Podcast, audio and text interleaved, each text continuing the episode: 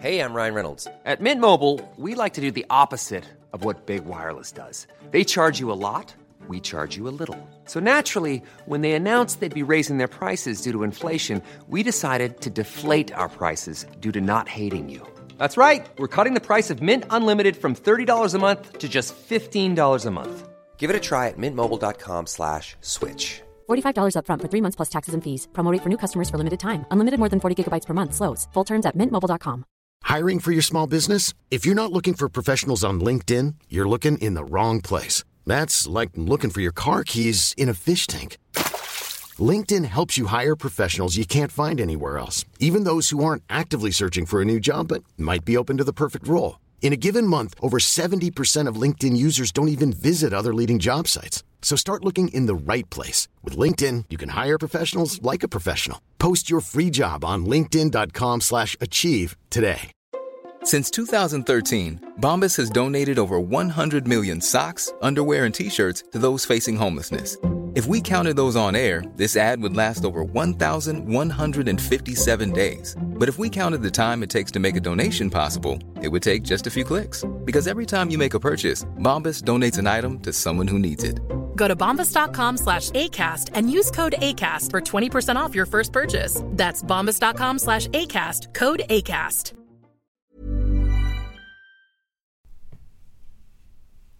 Tjenare tjenare, Det här var Micke Målan. Eh, vi vill bara meddela nu er lyssnare att eh, första kvarten ungefär är mellansnack som vi hade när vi spelade våra låtar. Den här personen som är gäst idag var så fantastiskt trevlig och rolig så vi kunde inte sluta prata helt enkelt och eh, tiden gick däremellan så vi blev, ja, det blev väldigt mycket snack helt enkelt mellan låtarna och innan podden ens började. Eh, så eh, första kvarten helt enkelt, mellansnack och sen drar podden igång. Så eh, god lyssning på er där ute nu och njut av helgen. Nej, men han är lite knäpp. Vet när vi spelade... För... Ja, håller man på AIK kan man inte vara helt frisk. Nej, det är så. Det är så. Vi, vi spelade i riksdagen så hade vi... Ett tag så var det sossarna mot resten. Ja, okay. Och vi sa, ja men ska vi inte, liksom, det är ju jämnt i riksdagen, ska vi inte ta de borgerliga mot oss andra? Nej, de ville vara för sig själva. Ville sossarna det? Ja, visst. De hette Helgeandspojkarna. De hade sin egen idrottsförening. Helgeandspojkarna. För att riksdagen ligger på Helgeandsholmen. Så de hette Helgeandspojkarna. Och de släppte inte in någon där. Så vi spelade med de borgerliga då. Och sen så kommer den där jävla Bosan. Han var ganska vältränad fortfarande. Han lirade visserligen bara i division 5 men han höll ju igång va. Mm. Och hade ju bra grundträning.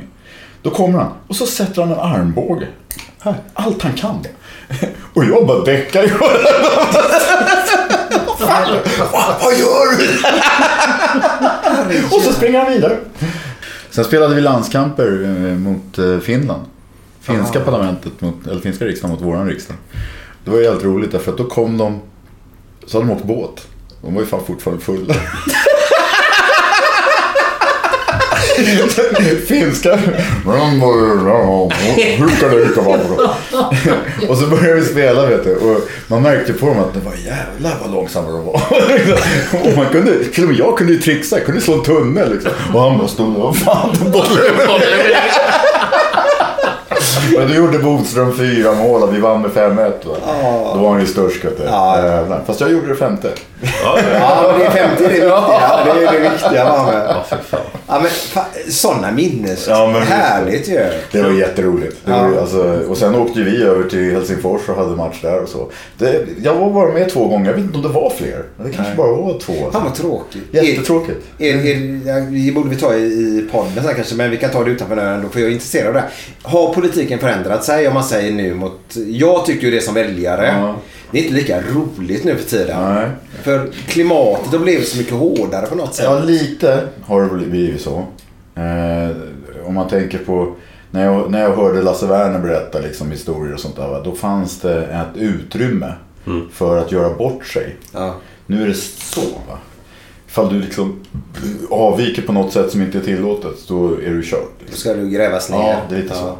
Samtidigt så är det fortfarande så att jag umgås över partigränser med folk. Det är liksom aldrig, det är inga hårda ord på, alltså jag, min, några av dem som jag verkligen tycker om, eh, som jag satt i riksdagen med, de är ju inte vänsterpartister. Nej.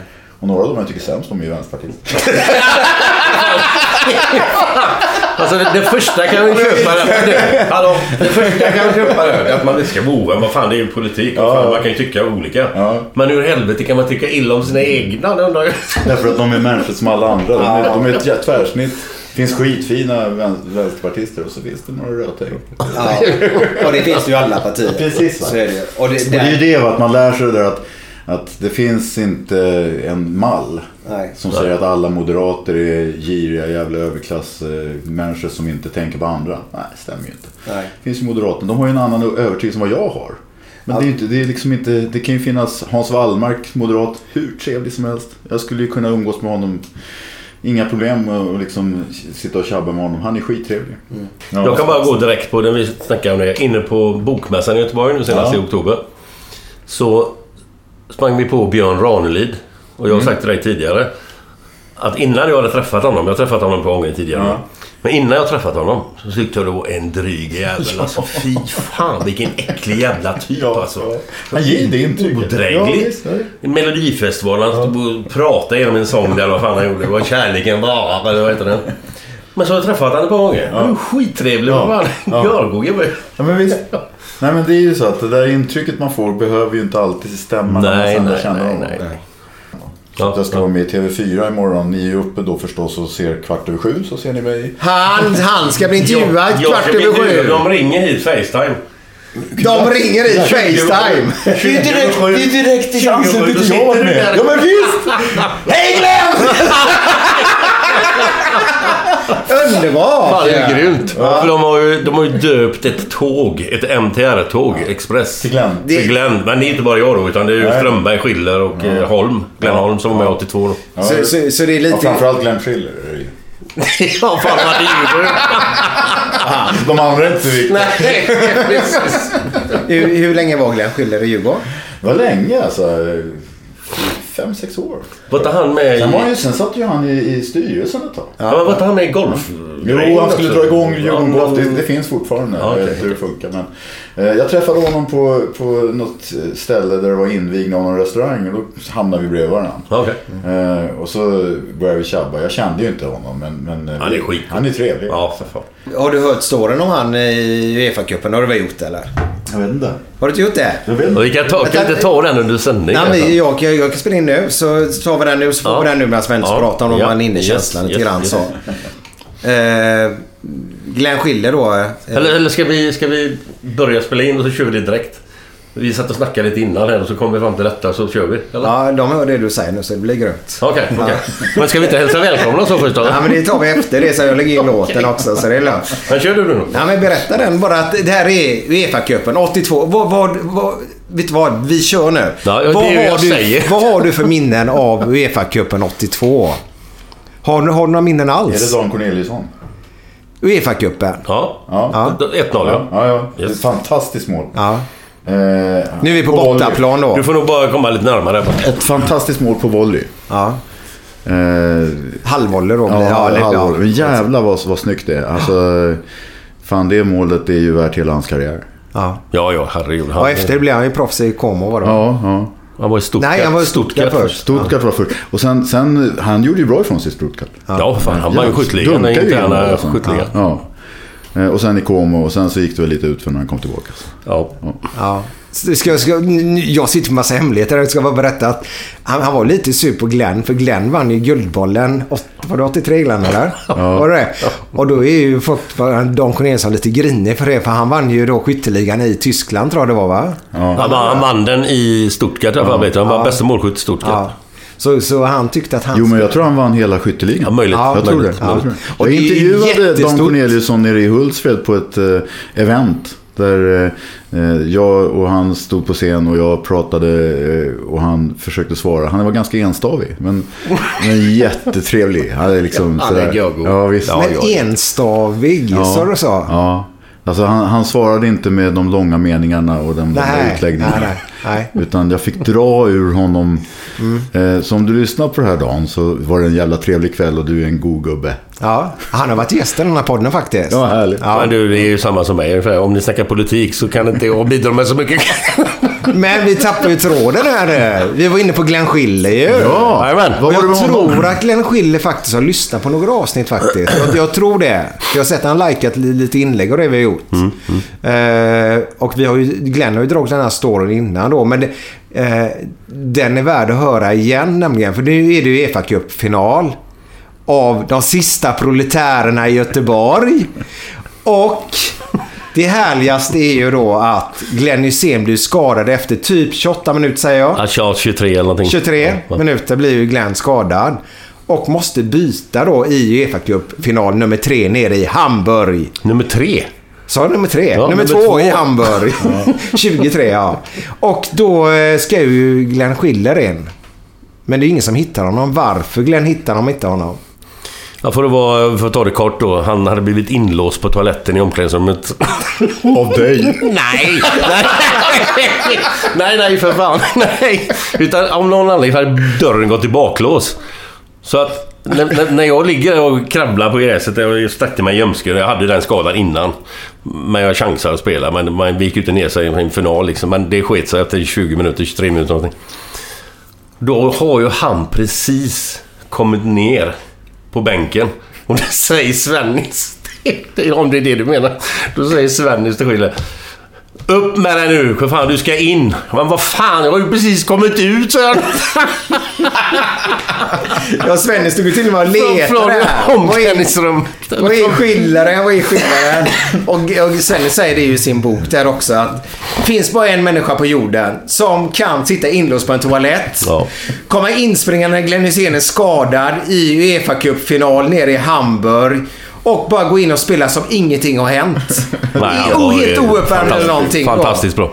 Så Glenn Schiller, om du skulle höra detta faktiskt så eh, får du här en applåd av oss faktiskt. Glenn, det är dags. Nu kör vi. Gillar du lite sjuk humor, Glenns humor, så, så, så kan du lyssna på den här podden. Ja. Kan du göra. Jag försökte tänka ut. Du vet, jag har ju sett honom på banketter ett antal gånger så jag vet ju hans humor. Han har berättat de bästa historierna. De värsta. De, de som gör att folk sjunker ner under bordet och liksom inte vill komma upp. Vi, vi, vi hade ju David Lega med. Ja, den har jag hört.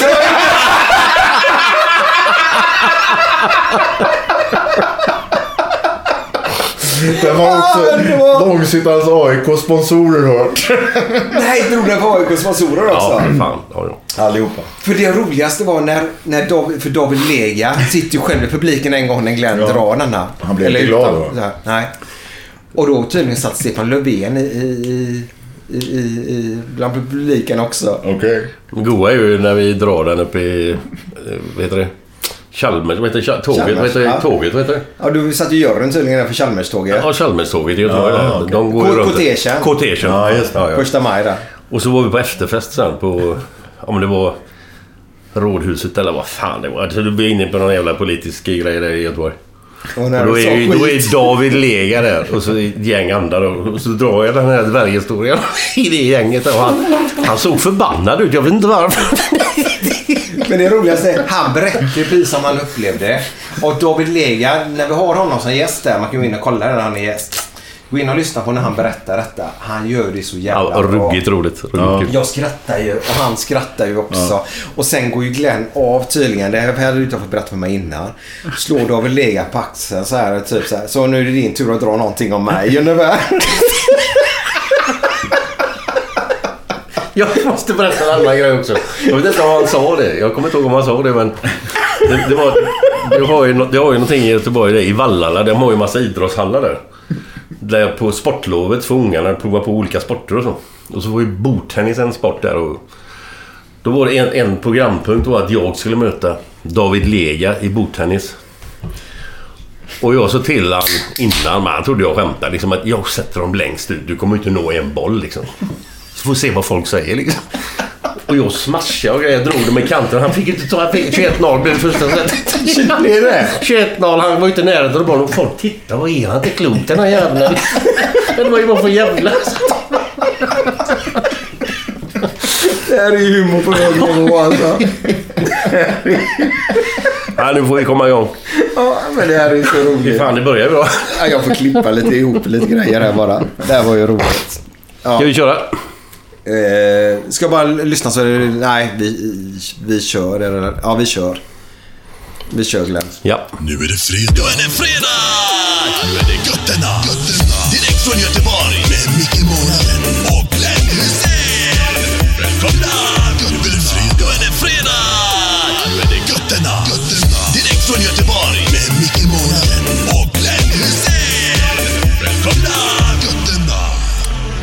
Tjenare, det var Glenn här. Välkomna till eh, Gött podden igen. Och eh, idag har vi faktiskt en eh, herre som håller lite på fel lag i och för sig. Han bor i fel stad. Men är en jävla god gubbe alltså. Underbar människa. Det är ingen mindre än politikern Lars Ohly. Hallå gubbe! Tjena! Gött att ha dig här. Ja, kul att vara här. Ja, välkommen, välkommen. Tack. Vi är ju din hemstad. Ja, ni har ju fått eh, äran att besöka den vackraste staden i, Sverige. Så att, Ja, tycker, tycker du att det är så eller? absolut. Ja. Men det sa ju vi också när vi åkte. Vi har ju kört bil upp idag. Ja. Och eh, vi sa ju faktiskt det när vi körde över någon jävla bro där. Någon det, det ser rätt bra ut. Det ser rätt gött ut här Ja, faktiskt. Och sen var faktiskt trafiken väldigt vänlig. Vi åkte, eller jag gick upp 02.40 i natt då. Och nu är klockan 16.43. Och vi skulle gjort en podd innan, men den personen dök inte upp. Eh, Så vi har haft det ganska mysigt Glenn. Ja, vi har ju pratat med personen i fråga. Men Mm. eh, av eh, olika anledningar så fick vi reda på varför. Ja. Så att, men det, det spelar ingen roll. Tar han nästa gång helt enkelt. jag är mer pålitlig. Ja, är det så? Ja, är du det i alla sammanhang? Det vet ju du Glenn. ja. Ja, på fotbollsplanen brukar du leverera i alla fall. Ja, nu, nu var du ju snäll, men eh, eh, jag brukar i alla fall inte säga att jag ska leverera och inte göra det. Nej, nej, nej. Är det viktigt för dig? Ja, det tycker jag nog. Eh, Det är väl en sån där grej som... Eh, om man är politiker så, så har man ju faktiskt väljarnas förtroende. Och då ska man motsvara det på något sätt genom att faktiskt leverera det man har sagt. Eh, och det är klart att vallöften kan vara svåra att leverera eftersom man aldrig är ensam om att bestämma efter ett val. Eh, I alla fall inte i Vänsterpartiet. Men, men däremot så kan man ju faktiskt arbeta i en riktning som man sagt och verkligen vara tydlig med att man inte sviker det. Eh, och mitt viktigaste vallöfte det, det uppfyllde jag efter valet 2006. Vad var det? Jag sa att jag skulle sluta röka, så gjorde jag det. Ja, ja men bra. Seriöst alltså. Det är fan 11 år sedan. Ja. Du, hur, hur gick det till liksom? Hur, var det jobbigt eller hur fan gick det? Och sluta röka var bland det jobbigaste jag gjort i tre månader ungefär. Eh, Jag, jag klättrade på väggarna, jag mådde skit och jag tog mig ett par återfall. Kommer ihåg en gång så, så skulle jag sätta upp en hylla och så slog jag mig på tummen. Då gick jag rakt ner till kiosken och köpte ett paket röka och så gick jag ut i parken och rökte två cigaretter på raken. Och sen, var jag, sen la jag cigarettpaketet på en bänk och tänkte att det är väl någon som, som vill ha. Och sen så gick jag hem. Eh, Och en annan gång så började jag också röka några cigaretter av någon anledning som egentligen inte var... Men det där beroendet är så jävla starkt alltså.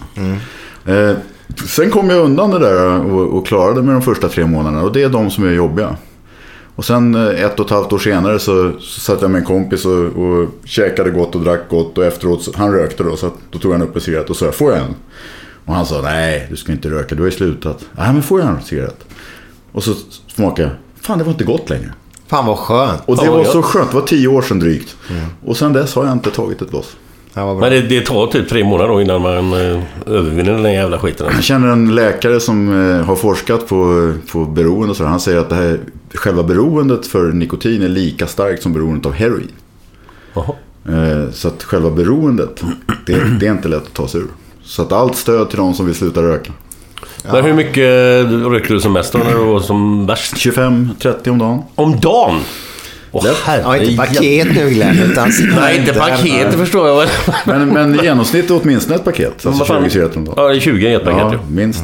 Mm. Ja, nu tror jag fan alltså de luras. Är det inte 19 bara nu? Jo, de har visst tagit bort någon där. Ja, och istället för att Ja. höja priserna så tar vi väck en cigg. Det är Ja. ungefär som du gör på, i maten och sånt. Och Ja. så var det 500 gram förut så är det 470 gram nu. Vad detta är. Jävla smyg-fucking-höjning. Ja, Gevalia. Ja. Skitdåligt. De har Ja, mindre ja. paket och sen så, så ligger de lägre i pris än sina konkurrenter och så tänker de att nu köper folk vårat. Ja. Men det måste vi genomskåda. Jag köper. Har du inte redan, har du redan gjort det? Så är det. Nej, men det är lite sådär... Eh, Men det gör inte jag, för jag dricker inte kaffe. Nej. Nej. Om det inte nu är kanske Irish coffee, då är det ju rätt. Ja, ja. Men du blir ju blåst på spriten kan jag säga då Glenn. För förr var det 75 men nu är det bara 70 centilitare. Ja. Det är där har de blåst dig på 5 centiliter. ja, det är lite tråkigt, men eh, det får man ta igen på annat håll. Du behöver inte de där extra fem. Nej, jag tror inte det. Men du sa där, vi var inne på det där eh, att hålla sina löften. Eh, och det viktigaste du gjorde 2006, det var rökning sa du där då. Men så tänker jag, för eftersom ni vänsterpartister inte har haft makten, om man säger på det sättet, att kunna driva igenom er egna politik till 100%. Eh, men så hade vi Martin Melin här i podden någon gång och då började vi prata om just det där att man går till val med vallöften. Och sen när man vunnit valet så genomför man inte de vallöftena då. Och jag personligen tycker det är kriminellt. Tycker jag. För jag har ju röstat på en sak som komma skall då. Hur kommer det sig att det får lov att vara så inom politik? Därför att du röstar på ett parti som kanske, eller i Sverige är det så att inget parti får egen majoritet. Men du röstar på ett parti som säger att de ska genomföra saker. Sen måste ju de efter valet skapa den där majoriteten och då måste de ju komma överens med andra. Eh, och vi har ju suttit 98 till 2006 att vi ett samarbete med Socialdemokraterna och Miljöpartiet påverkade rätt mycket. Eh, och nu efter att jag lämnade så gick det ju bra så att då fick de ju också komma in och, och påverka i budgetfrågor och sånt där. Och då är det ju så att allting det vi tycker kan vi inte få igenom. Sossarna och Miljöpartiet är ju motståndare till vissa grejer som vi driver hårt. Men det ska gå åt rätt riktning.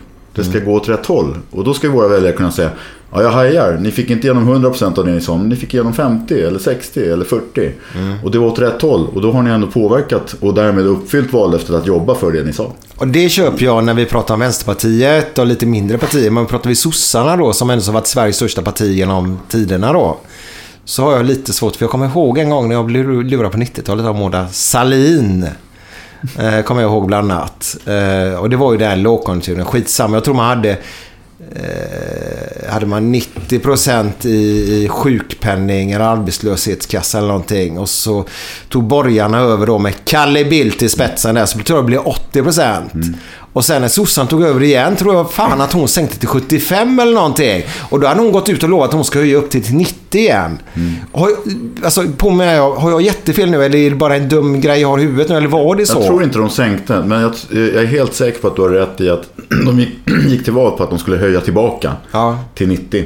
Och sen så sa de, nej tyvärr vi kan inte genomföra det därför att statsfinanserna klarar inte av det. Nej. Eh, och det, var ju, det visste de innan. Så Ja, det var en exakt. Mm. ren blåsning. Det var en ren blåsning. Och jag blir blåst. Ja, sånt gillar inte jag. Jag tycker det är för jävligt. Alltså, om man vet om på förväg att det här kommer vi inte kunna uppfylla, då ska man fan inte utställa Du, det. du behöver inte hålla käften då i sådana fall. Eller? Absolut. Eller säga så här, på lång sikt så tycker vi att vi ska återställa det här till 90%. Men vi kommer inte ha råd med det nu.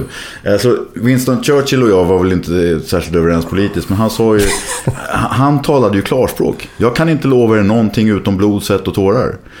Han, hade inte, han lovade ingenting. Därför att han visste att Fan, det var krig. Det var läget att liksom verkligen be folk att uppoffra saker för att vi skulle kunna klara all, det allra nödvändigaste.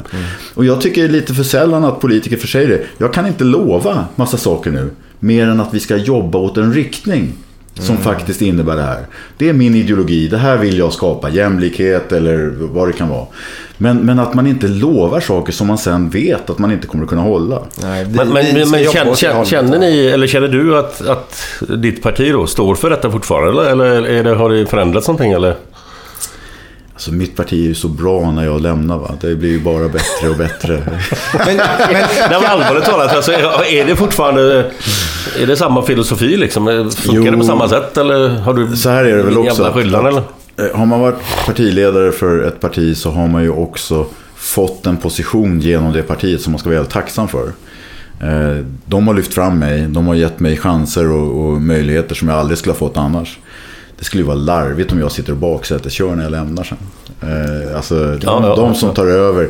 Jag kan ha synpunkter och jag kan tycka att det är bättre eller sämre. Men jag kommer inte att gå ut och, och kritisera. Det, det skulle vara larvigt att göra. ja, det hjälper ju inget. Nej. Nej. Nej. Men frågan nu. Jag tänkte jag skulle börja med den här podden faktiskt, Glenn. Eh, med just att folk har faktiskt frågat mig. Och i vårt första, första avsnitt som vi hade någon gång i maj 2016 så hade vi då eh, Glenns son Anton som gäst. Och Anton Glenn hade varit hos Parnevik. Och jag såg ju Parnevik första säsongen och jag tycker att det var så jävla bra det programmet. För det var så oregisserat. Och idag nu så känns det som att det är mer styrt. Nu gör vi så här, nu gör vi så här. Nu ska du bort och snacka med den, nu ska ni snacka känslor. Men då kändes det som att det var från hjärtat. Och Eh, min, det jag skrattade mest åt var dessa barnen i USA som var så jävla livrädda för det skulle komma in en kommunist i deras hem. Och jag tjöt ju av skratt faktiskt. Jag tyckte det var kärleksfullt med enormt mycket humor. För Ja, egentligen, min fråga är egentligen först innan vi kommer in på panik. Vad är en kommunist egentligen? Alltså när jag använde det begreppet så var ju det ett sätt att visa att man ville nå längre än Socialdemokraterna. Det var ju att, att avskärma sig mot socialdemokratin, det var det det handlade om. Va?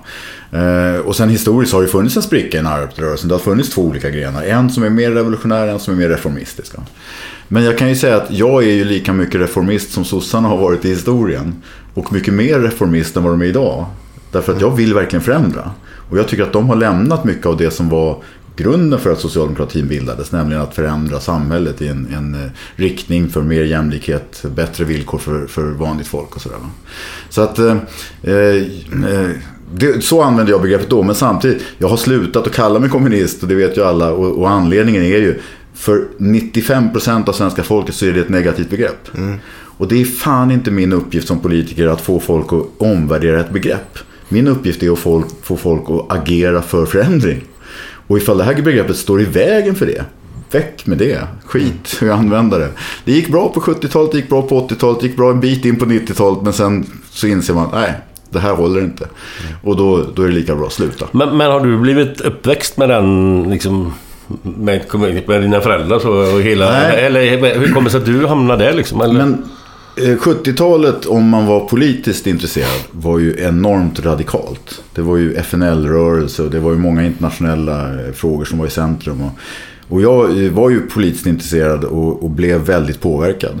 Och då var inte kommunismen som begrepp någonting som stod för någonting otäckt. Det var någonting som stod för någon framtidstro. Det var någonting som stod för någonting annat än det vi tyckte var dåligt. Va? Eh, Så att jag är, jag är uppvuxen kan man säga från tonåren med begreppet, men inte hemifrån.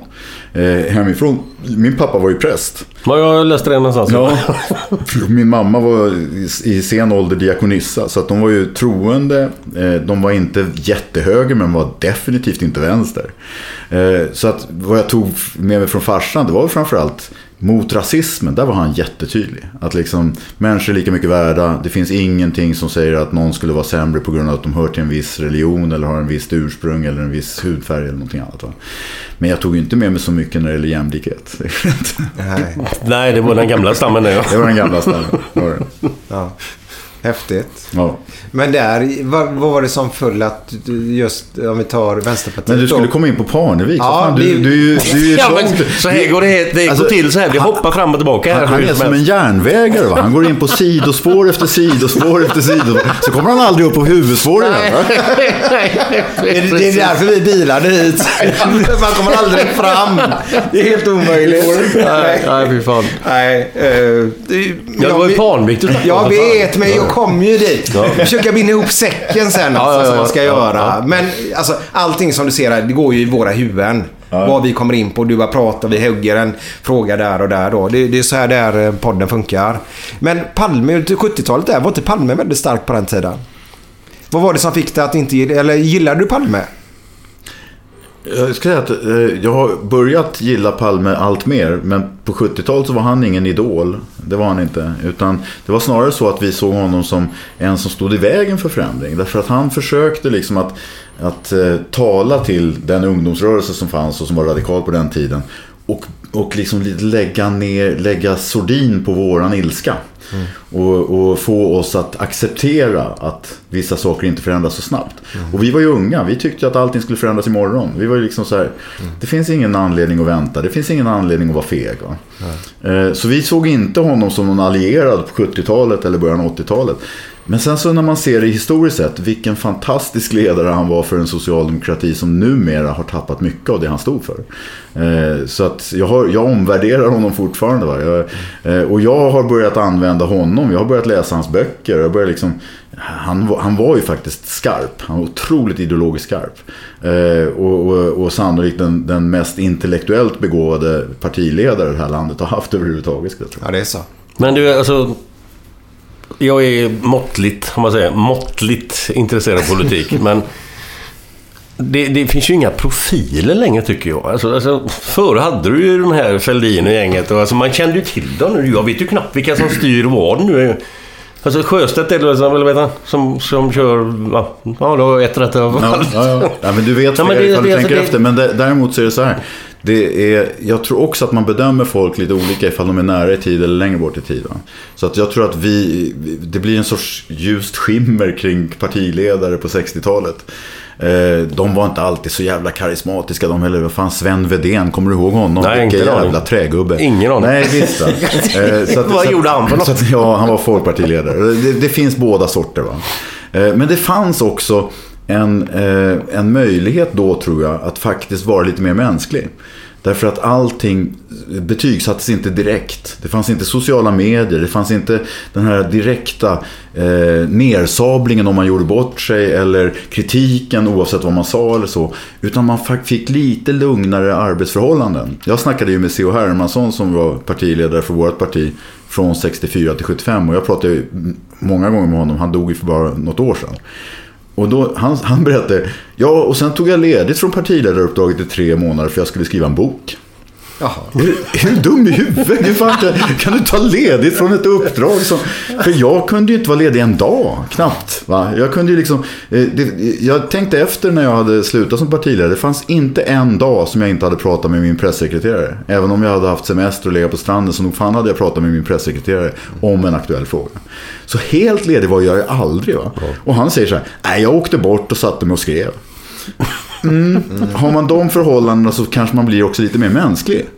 Eh, Och på det sättet så tror jag att partiledare inte bara i historiens skimmer utan faktiskt också hade förutsättningar att vara lite, lite mer mänskliga. Känns, Eh, ja. Ja. Känns det inte så att du är nästan tio gånger värre idag mot vad till och med när du slutade? Det, Känns går, som. det går fort nu. Det gör det. Och jag ska vara riktigt ärlig, jag, jag gillar inte det som händer just Nej. nu. För vi kommer inte ha några partiledare till slut. För det finns ju ingen som har rent mjöl i påsen. eh, Om man jag skulle sagt det där att de letar ju liksom, Mm. vad har du för bakgrund? Vad Fan, någon har väl för fan tagit emot svart hjälp, någon som har städat eller vad fan det nu må vara för någonting. Det är ju fjantigt alltså, det är ju löjligt. Eh, eller man får tänka så eh, om man har ett sånt här uppdrag. Att, jag har ju verkligen tänkt så. Varenda gång jag har anlitat någon så har jag sagt inte en svart skruv. eh, bara så du vet. Va? Eh, därför att jag kan inte stå för det eftersom jag vet ju att Ja, dels tycker jag ju att det är fel, men, men jag tycker ju också att det, det är, media kommer ju att jaga mig om jag, om jag blottar mig på det sättet. Va? Så man fick tänka på ett sätt som gör att man blir jävligt rädd för att avslöjas med någonting som man inte står för. Eh, och det gör att man, man kanske inte heller vågar ta ut svängarna på andra sätt. Va? Jag skulle sagt det, alltså, det, det stoppar dig på andra saker. Ja. Eller, eller Ja. Var- till en viss mån. Var det, var det inte han eh, Fredrik Reinfeldt när han skulle bilda regering? Alla fick ju hoppa av även efter den. För alla hade ju något lik i bagagen ju. Var det, Det var inte ju- så? Det var tv-avgifter och Ja, det var svart städhjälp. Men vem och- har inte det Ja, då? ja, nej men visst, det var ju så. Och det, eh, och det är klart att när vi eh, 2010 gick till val tillsammans med Socialdemokraterna och Miljöpartiet, då hade vi ju ett väldigt tätt samarbete. Mona Sahlin, Maria Wetterstrand, Peter Eriksson och jag. Och då hade vi faktiskt en lista på frågor som vi skulle ställa till eventuella ministerkandidater. Där det liksom var så här, har du någonsin låtit bli att betala tv-avgiften? Har du någonsin anlitat någonting svart? Har du någonsin, alltså, så, att, så att vi som, som regeringsbildare, va? Mona Sahlin skulle ju bli statsminister, hon som regeringsbildare skulle kunna säga rakt in i kameran, jag vet att de här människorna inte har betett sig illa på något sätt. Jag vet att de har skött sig. Eh, Och det är ju galet att det ska behöva vara så. Men vi visste ju också att det första en, eh, som media gör om vi skulle ha fått bilda regering. Det var ju att gå igenom varenda deklaration, varenda, fråga grannar. Alltså, det hade ju varit så. va? Eh, vilket är politikens villkor och det är mer på ont än på gott, måste jag säga. Men kan man inte bara säga så ja, jag hade svart städhjälp det året. Alltså, är man inte trovärdig då? Eller vadå? Sjönk i trovärdighet? Ja, jag kan inte fatta det heller. eller Jag begriper inte. Det- vad man är ju mänsklig, Vad vad är det som gör att man måste avgå? Om du förstår mig rätt nu. Alltså, det beror lite grann på vad det är man gör som är fel. Om man, om man som du säger då är ärlig med att man har begått ett misstag någon gång. Eh, ja, eh, Bill Clinton, ja jag var ung och, och rökte braj. Men jag tog inga halsbloss, sa den dumma jäveln. Det var ingen som trodde på det. Men det, det är ju... Och då följde jag. Hade, han- hade han ju bara fullföljt det där och varit ärlig och sa ja, jag var 20 bast, gick på college och, och, och, och rökte marijuana några gånger. Det gjorde ju alla. Det var, det var den miljön jag växte upp i och så var det där. Så var det är väl en bra... det är ingenting jag är stolt Nej. över, men det var så och jag gjorde det.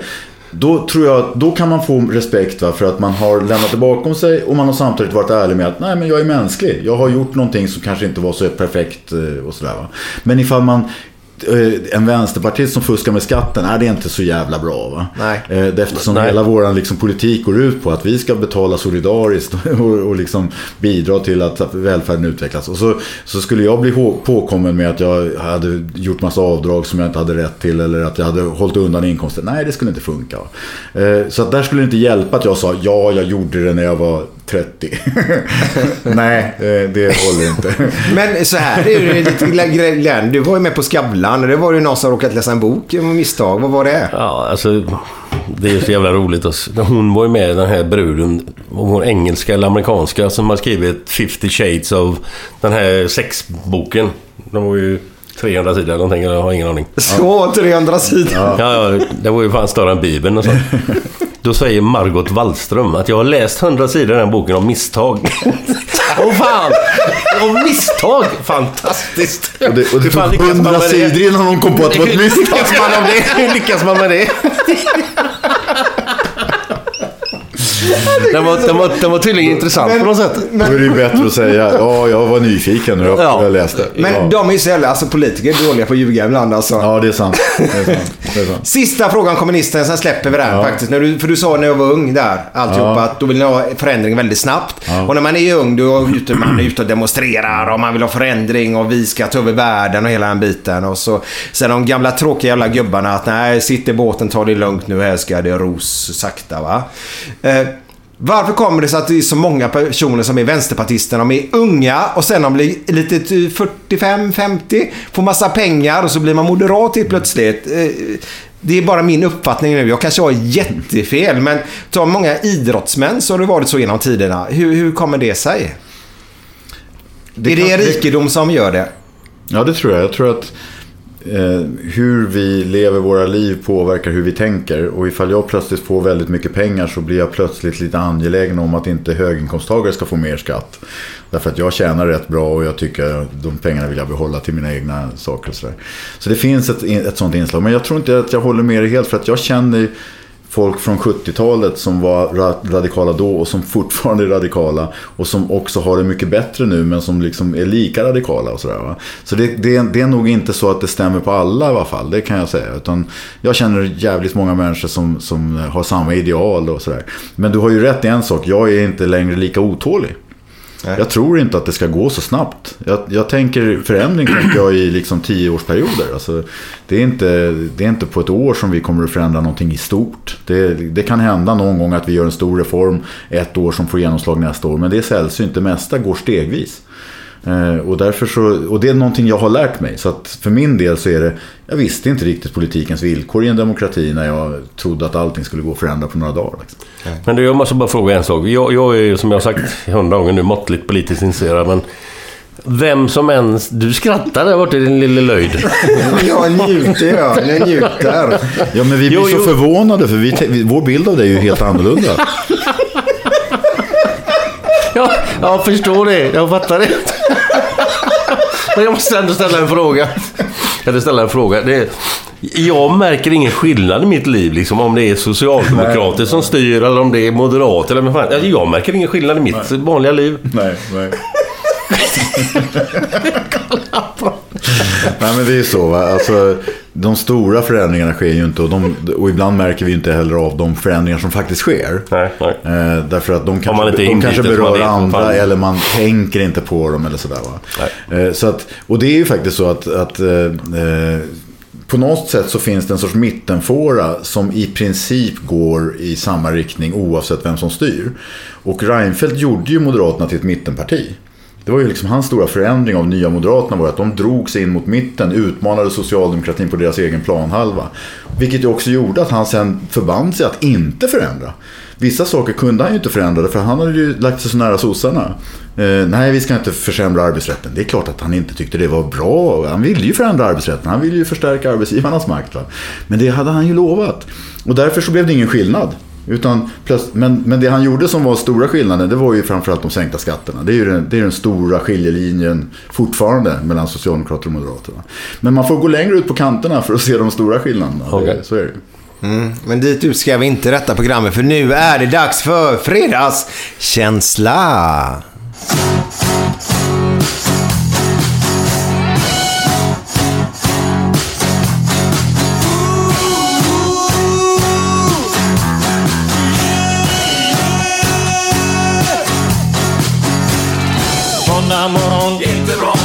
Tisdag morgon, inte bra.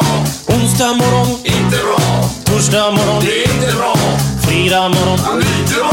Fredag lunch, mycket bra. Fredag eftermiddag, underbart. After work med karaoke. Man får en öl och pyttipanna. Fredag kväll och livet leker. Man kan inte säga annat än att jag har det gött nu!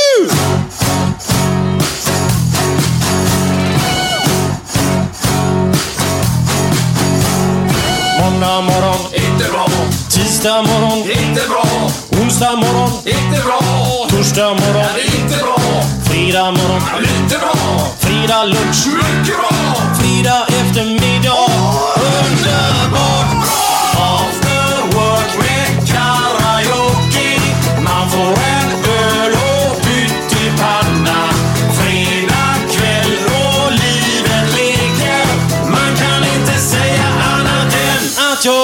gött nu!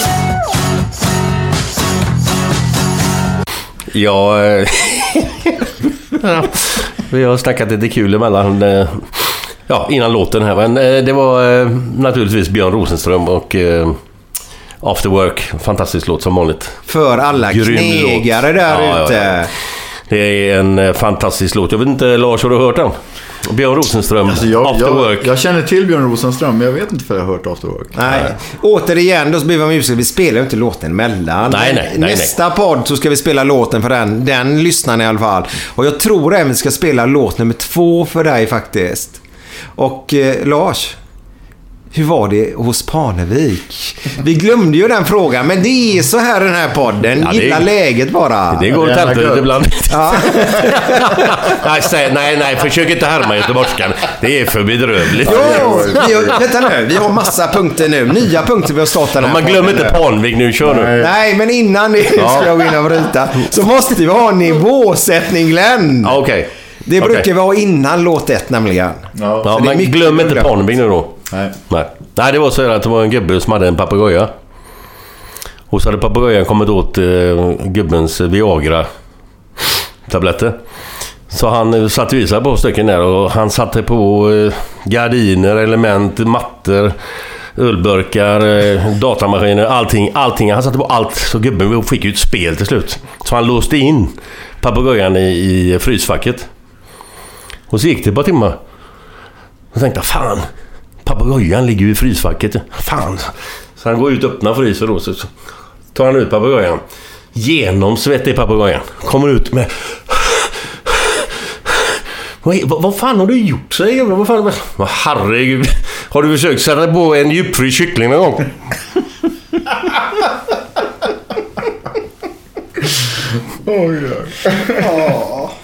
Parnevik. Nu kör vi Parnevik. Kommunisten på väg till eh, Parnevik och ett residens, vad heter det? Residens. Det, sa du? Residens, Residens, heter det va? Ja. Utan dess like. Och jag tror det är mångas dröm i de svenska hemmen att få besöka detta stället faktiskt. Och jag måste fråga dig, hur var det? Kan du berätta? Det var ju fantastiskt. Vi, Glenn vet ju hur fint de bor och sådär. Men jag var ju faktiskt den som var där först. Det var det första programmet som spelades in, vilket också hade sin betydelse för att jag tackade ja. För jag hade ingen aning om vilken sorts program det var. Eh, Så att när de frågade mig så smickrade de mig med att jo men Jesper har begärt att få med just dig.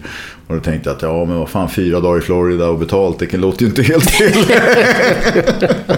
så jag kom dit och sen så eh, det är ju faktiskt så att det är en helt fantastisk familj. De är ju suveränt sköna människor.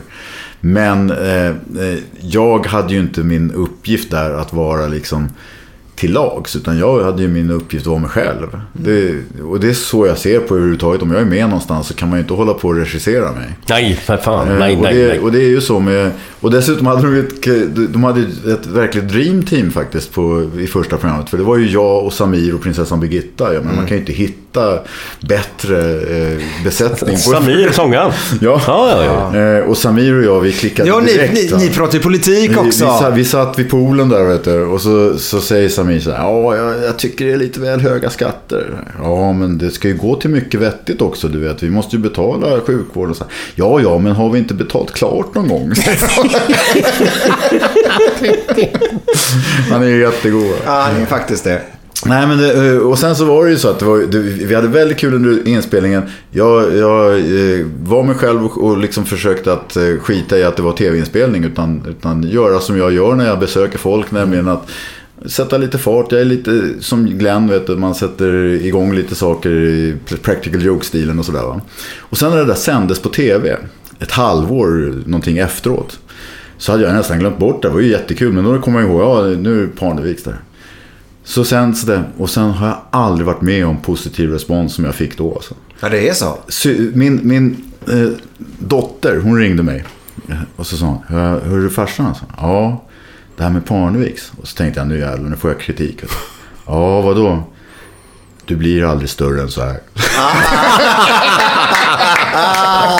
Underbart. Det är ett bra betyg. Ja, det Jävlar. Och sen har ju, jag håller ju kontakt med Jesper, lite grann med Peg. Eh, eh, och liksom det är, en, det, är en, det är en bra familj va.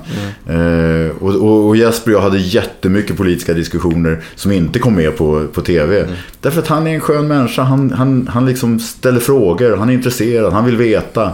Mm. Eh, så att vi hade kul alltså. Så att de där, de där fyra dagarna, de kommer jag aldrig att glömma. Det är helt klart. Nej, det kan man nog säga.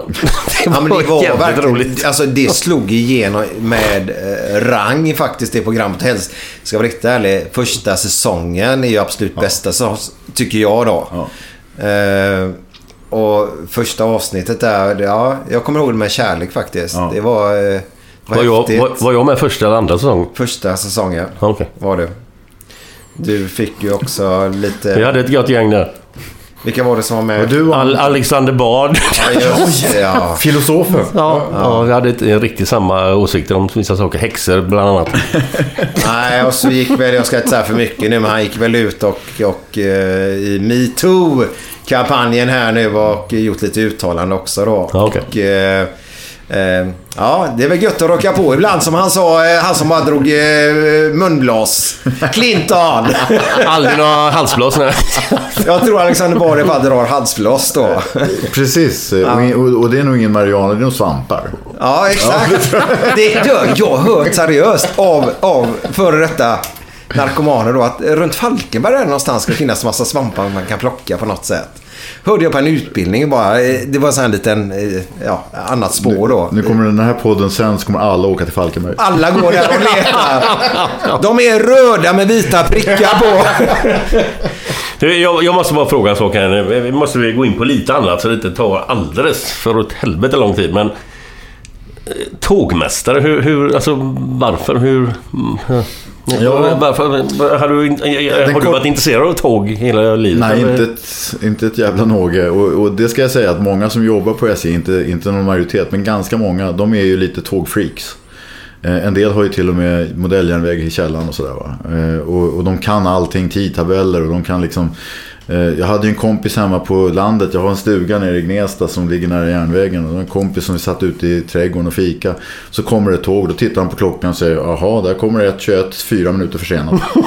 Ja, det, det låter som Kurt Brandeby med spårvagnar i Ja, men Göteborg. ungefär så, ungefär så. Kommer trean före fyran, vad är detta? Kurt Brandeby. Ja, Lasse Brandeby. Ja. Ja, men han är Men ju Kurt. Olsson. Kurt Olsson. Jag fick med bägge där på det Ja, precis. Ja. Lasse Olsson och Kurt Brandeby. Ja. Men, eh, men eh, jag har aldrig varit sån. Utan jag var arbetslös när jag hade gått ut gymnasiet. Jag var skoltrött, jag ville inte plugga vidare. Sökte olika jobb. eh, Hittade en annons där stod växlare till SJ. Åkte upp till Sundbyberg där de hade sitt rekryteringskontor och så när jag kom in så sa jag, ja, jag sökte det här växlarjobbet. Ja, det, fick ju, det sista fick ju han som gick ut precis. Så. Ja, tack för det då, sa jag. Ja, men sätt dig ner, sa de. Och så, vill du bli, vill du bli konduktör? Ja, för fan. jag har ingen aning om vad det innebar. Liksom. Det är väl någon som går runt på tågen och är trevlig. Liksom. Eh, Så att jag eh, halkade in på ett bananskal. Och sen var jag ju fast på SJ i 18 år. Eh, Och åkte land och rike runt. Som längst upp i norr till Vännäs. Som längst i söder till Helsingborg och Malmö. Eller faktiskt till och med ner till Trelleborg och Ystad. Eh, Så att jag har ju sett hela, hela landet och har ju liksom jobbat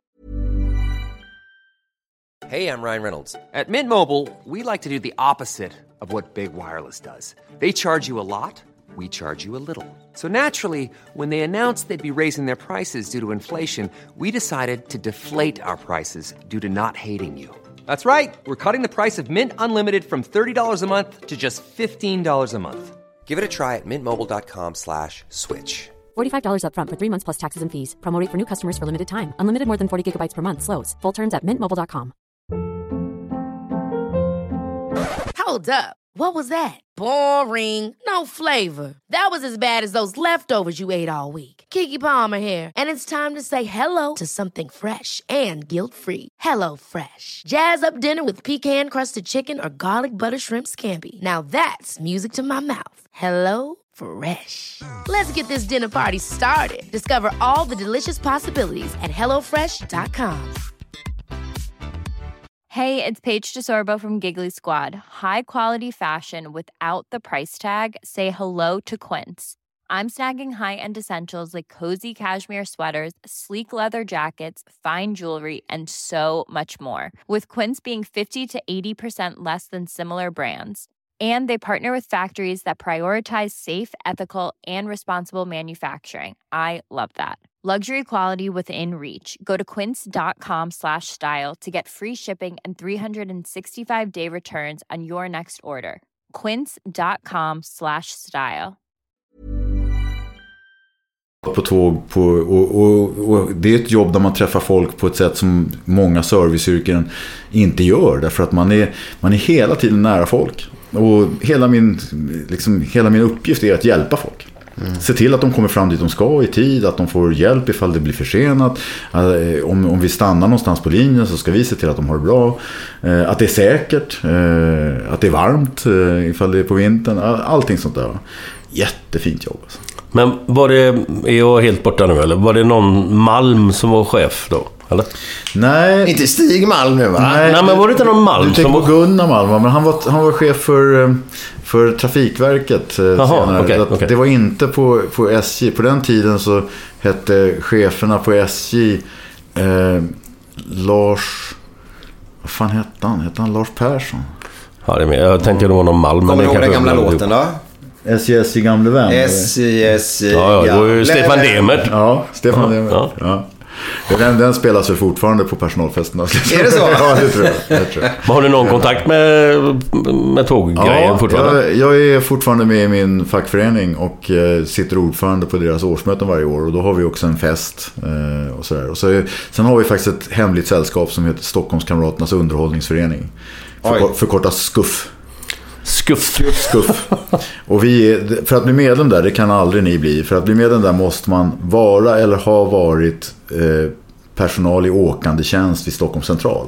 Åkande tjänst är alltså att man åker tågen. Att, Ja. Men, men de har väl en inträdesfråga också? Tror jag. En inträdesfråga. Ja. Som är... Vem, ve- vem är den största tågnörden i svensk filmhistoria? Eh, Då skulle ju jag inte få vara medlem för den går ju jag bet på. Den Stig, Stig Helmer! Ja, såklart. Ja. Men samlade han på brödrostar eller någonting? Nej, en- han en gjorde film, ja, ju, en han la i ja. lapparna i brödrosten. Men han Ja, hade okej. ju tåget hemma eller? Ja, jo, han Ja, hade en okej, okej, jättemodell Ja. järnväg. Ja, Ja, visst. det var bara ett sidospår då. Ja, ja. Men- återigen. Ja. Du, jag måste ställa en annan fråga här. För det, det här, jag fattar inte riktigt. Det kan inte vara så här. Det, det, det, alltså, du blev utvald till Årets kurdvän 2008. Vad innebär det? ja, det innebär att man... eh, En vän med en kurd? Eller vadå? Ja, Eller vad, jag fattar inte grejen. så, så här är det. Eh, kurderna i Sverige har eh, instiftat den här utmärkelsen för att uppmärksamma någon som står på deras sida i kampen för ett fritt Kurdistan. Jaha. Det är så det är va? Okej. Eh, Gösta Ekman har fått det. Eh, han var väldigt engagerad i, i kurdiska frågor. Och, och när jag var och fick den här utmärkelsen då var ju eh, massor med kända människor där på den här galan och så. Eh, och jag fick det väl för att jag eh, Özz eh, och andra som jag känner hade liksom uppmärksammat att jag stod alltid på deras sida när det brände till. Eh, Och det gör jag fortfarande. Eh, eh, Utmärkelser är, glad, är man glad i och den där är jag jävligt stolt för faktiskt. Men du, varför blev det så då? Alltså, intressera sig för Kurdistan? Alltså, förlåt, inte, inte något negativt på något sätt. Men Nej. hur blev det så liksom? Det beror nog på att jag har träffat väldigt många som har sin härkomst från Kurdistan och bor i Sverige. Eh, antingen är de födda i Kurdistan eller så har de fötts här av kurdiska föräldrar. Och flyttat hit på grund av förtrycket och på grund av att de inte har kunnat leva och, och inte fått behandla, de har inte fått använda sitt eget språk. De har inte fått utöva sin egen kultur. De har, har tvingats, i, i Turkiet kallar man kurder för bergsturkar. Eh, som om det liksom, det är inte ett, det är, de, har, inte- de har inte rätt till någonting. De, har inte, de får inte vara sig själva. Och många bor ju kvar men det finns också de som har gett upp och flyttat. Eh, både från Irak, från Turkiet, från Syrien, från Iran. Och då har jag ju mött väldigt många av dem och blivit intresserad av varför har inte de ett eget land? Alla har ju liksom, nästan alla har ju ett eget land som de kan ändå bestämma över. Något sånt där, va? Men kurderna är uppdelade på fyra nationer och har ingen bestämmande rätt. Och nu kanske det lossnar för de har ju faktiskt haft en folkomröstning i norra Irak. Där de, en stor majoritet sa att de vill utlysa självständighet. Och det är ju inte säkert att Irak tillåter det så det kan ju bli en hel del spänningar och kanske till och med en del eh, skärmytslingar. Men på, på sikt så hoppas jag verkligen att ett fritt Kurdistan kan bildas. Okej. Ja, vi hoppas på det. Men eh, som sagt var, det, det kommer nog bli eh, tyvärr mycket blod som flyter innan dess. Det är ju ofta så med sådana här frigörelser att det finns alltid någon som tjänar på att, att förneka människor deras frihet. Va? Och här är det fyra nationer som ju inte vill styckas upp. Turkiet vill ju behålla hela sitt territorium. Irak vill behålla hela sitt territorium. Syrien och Iran samma sak. Eh, och, och så vill man att den här folkgruppen ska assimileras och bli en del av de respektive länderna. Men det sker inte därför att de har en enorm stolthet. Och de är många. Va? Det är liksom, jag skulle tro att det finns ungefär 50 miljoner kurder i världen och, och kanske 30 miljoner som lever i det som egentligen är Kurdistan. Va? Då måste jag bara dra ett sidospår här nu då. Eh, Dalkurd, som gick upp här nu. Det måste väl vara ett, ett, ett bra le- led i det hela att det sker, eller? Vet du hur många som följer dalkurd på sociala medier? Jag säger fyra miljoner. Mm, ja, det är väl lite mycket, men en och en halv miljon. Det är alltså eh, långt mycket fler än det finns fotbollssupportrar i Sverige som skulle liksom vara intresserade. Det har blivit ett europeiskt lag och kanske till och med ett världslag. Därför att kurder i massor med andra länder har insett att här är ett lag som startades av kurder. För att integrera kurder i Sverige men samtidigt också visa att vi var stolta över att vara kurder. Eh, De är inte bara kurder i laget, men, men stommen finns kvar sedan den tiden. Och samma sak var det ju faktiskt när assyriska gick upp. Eh, De representerade inte bara ett lag med assyriska rötter, de representerade en hel folkgrupp. Eh, Och assyrierna är mycket färre än kurderna så de kanske inte hade lika många fans. Men kurderna har ju en enorm potential. Vet, vet du om det? För där, om vi tar assyriska där så finns det ju nästan i varje stad ett assyriskt lag. Jag är uppvuxen i Frölunda då och där var det mycket assyrier som kom dit på, på 80-talet då bland annat. Eh, Men dalkurd, finns det i andra städer också? Nej. Eller, eller är det bara ett eget lag om man säger? För assyriska finns ju i massa städer då. Ja. Vad, eller finns, Dalkurd finns bara i ett, en stad, Assyr- ett lag Assyriska och syrianska finns i väldigt många, på väldigt många ställen. Ja. Eh, Men eh, ett kurdiskt lag, renodlat kurdiskt lag, finns bara i Borlänge än så länge. Nu vet jag att de snackar om att eventuellt flytta sådär. Men, men dalkurd är det enda som jag känner till som är byggt på, på kurdiska traditioner. Så, Annars, annars flyttar de inte mycket därifrån. Gör de det? Från Borlänge. Där bor de ju länge. Ja, eh, Vad nu! In i ögat! Det var helvete vad långsam han är Glenn. Eh, slang, Göteborgsord. Här har vi avsnitt ett i Göteborgsord och vi ska ha två ord varje podd där framöver nu. Och eh, idag så har två ord hamnat på dig nu Lars. Och det ena har med en grej som du gillar väldigt väl. Och det andra får vi se eh, vad, vad, vad, vad du tycker om det. Men det ena är då dönare. Ska du svara vad du tror att dönare är? jag är inte kvar. Jag har försvunnit från podden, från rummet, från eh, verkligheten. Dönare! Dönare! En dönare. En det, låter, det låter ju som någon som... Eh, eh, ja, det låter ju som någon som tar det jävligt lugnt. Nej, det är helt, helt tvärtom kan jag säga det här. Helt tvärtom. Jaha, är det någon som... Och det har med fotboll att göra bland annat. Jaha, är det någon som är hetsig? Ja, inte hetsig, men han tar lite lugnt när han drar iväg det där sköttet. Jaha, okej. Han skjuter Men- alltså? Inga dönare säger man. Det är att inga hårda bollar. Nej, okej. Man får inte ta i alltså. Man får inte svina helt enkelt. Nej. Det är en dönare. Så ni där ute nu. Dönare. Inga dönare när vi spelar boll gubbar. Och det betyder alltså inga hårda skott. Nej. Utan sköna slängskott och tv-räddningar då till målvakten då istället. Eh, Glenn, du ska förklara nästa ord då, men jag berättar det då. Och då säger vi bara ordet i, i ordet då och sen tar vi i en situation. Flö. Eh, Flyta. Eh, nej, inte riktigt. Eh, flö... Alltså... Om någon står i vägen. Jaha, okej. F- Flö, flö dig. Flö dig. Ja, ja, okej. Det, är- det är lite fly alltså. Att Ja, ja, flyt- få bort, flytta flyt- på det. Flytta ja, på det, ja. ja. Flö. Flö på dig gubbe. Fan, det här är ju en otroligt lärorik podd här. Det är ju Vetenskapsradion nummer två. Raket, raketforskning kallar vi det. Jag kan säga nästa podd, då, då, då blir det eh, två nya ord. Blir det faktiskt. Men kom ihåg det nu, när du sitter där och ser på ditt kära... Dönare, inga dönare grabbar. Säg ditt Nej, för då får du flö dig. Ja, exakt. När ni ska lägga frisparkar och sånt så kan du ropa inga dönar utan smek den upp i krysset nu gubbar.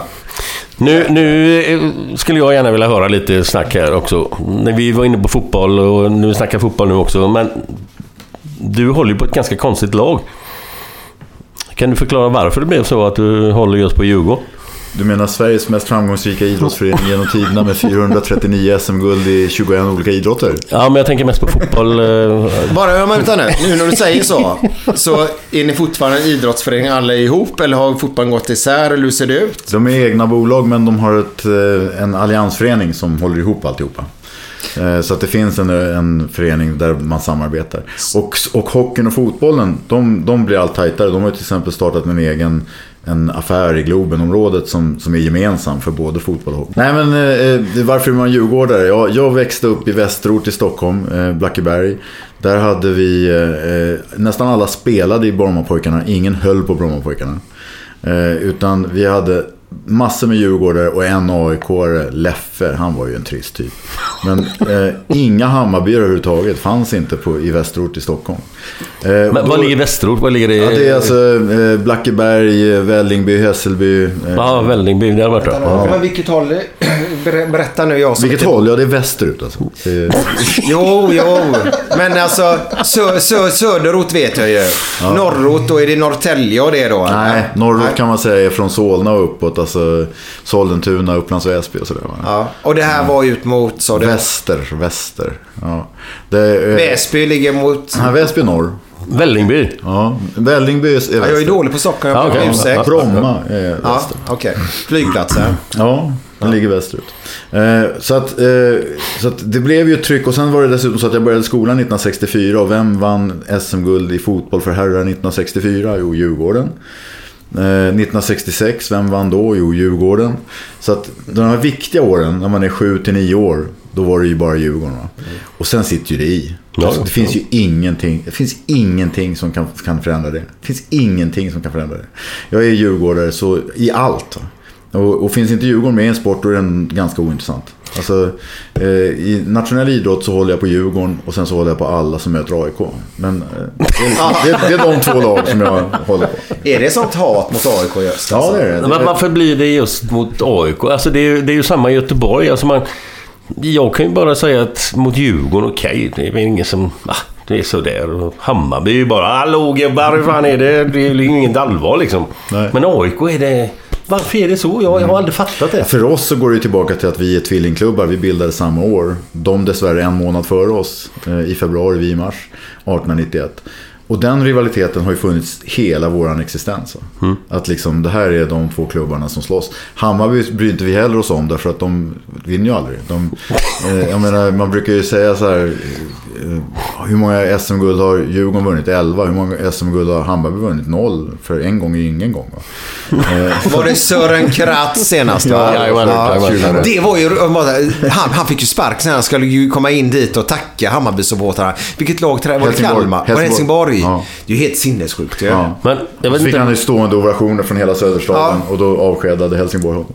Alltså, sopor är ni i Helsingborg på det sättet faktiskt. Men är det, är det bara en skröna? Det är det förmodligen. Men att han fick sparken för att de spelade för tråkig fotboll, även om de vann. Ja, ja, det, nej, men så var det. Han, Alltså, det han, han, var sparkad, han var sparkad redan innan de vann SM-guldet, men han skulle få jobba kvar under säsongen. Så att de hade redan ersatt honom till nästa säsong. Och så går han och drar in Hammarbys första och enda SM-guld i fotboll genom tiderna 2001. Och sen får han sparken. Eh, ja, det är helt galet. Men eh, jag skulle säga det att, att Hammarby är inget hot. Det, liksom, det, fin- det har aldrig varit och kommer aldrig vara det. AIK däremot, det är en klubb som vi har en viss respekt för. Och det är därför rivaliteten är så stark. Va? Eh, visserligen har de inte vunnit mycket efter kriget. Vad fan har de tre SM-guld? Vi har ju sju. Men liksom, ändå, det, är klart att de är, ändå, de är där uppe. Va? Så att vi, det, är ju det som gör att vi triggar igång på AIK. Men- sen är det ju så att, att bland Stockholmslagen så är det ju bara en förening som har både i ishockey och fotboll eh, föreningar i högsta ligorna i både dam och herr. alltså okej. damallsvenskan, herrallsvenskan, eh, s- eh, damelit och herrelit i ishockey. Det är bara Djurgården. va? Och det är de två sporterna som jag är mest engagerad i. Sen klart att ifall Djurgården ställer upp i brottning då håller jag på Djurgården. Ifall Djurgården ställer upp i boxning håller jag på Djurgården. Eh, och det gör de. Eh, vi har flest SM-guld i boxning av alla föreningar i Sverige. Så här. Men, Ja. men, men din, din farsa, prästen. Han var AIK. Jag skulle fråga, han var inte Djurgården? Han var. Det var ju en, ett fadersuppror också. Alltså när man är liten och vill liksom fjärma sig från sina föräldrar. Eh, Han påstod, han lever inte längre, men han påstod att jag när jag var fyra år stod på en match och hejade på AIK, men det vägrar jag tro. Men jag har ju en annan, eh, jag har en annan historia där att vi har ju haft Nemo Hedén i den här podden.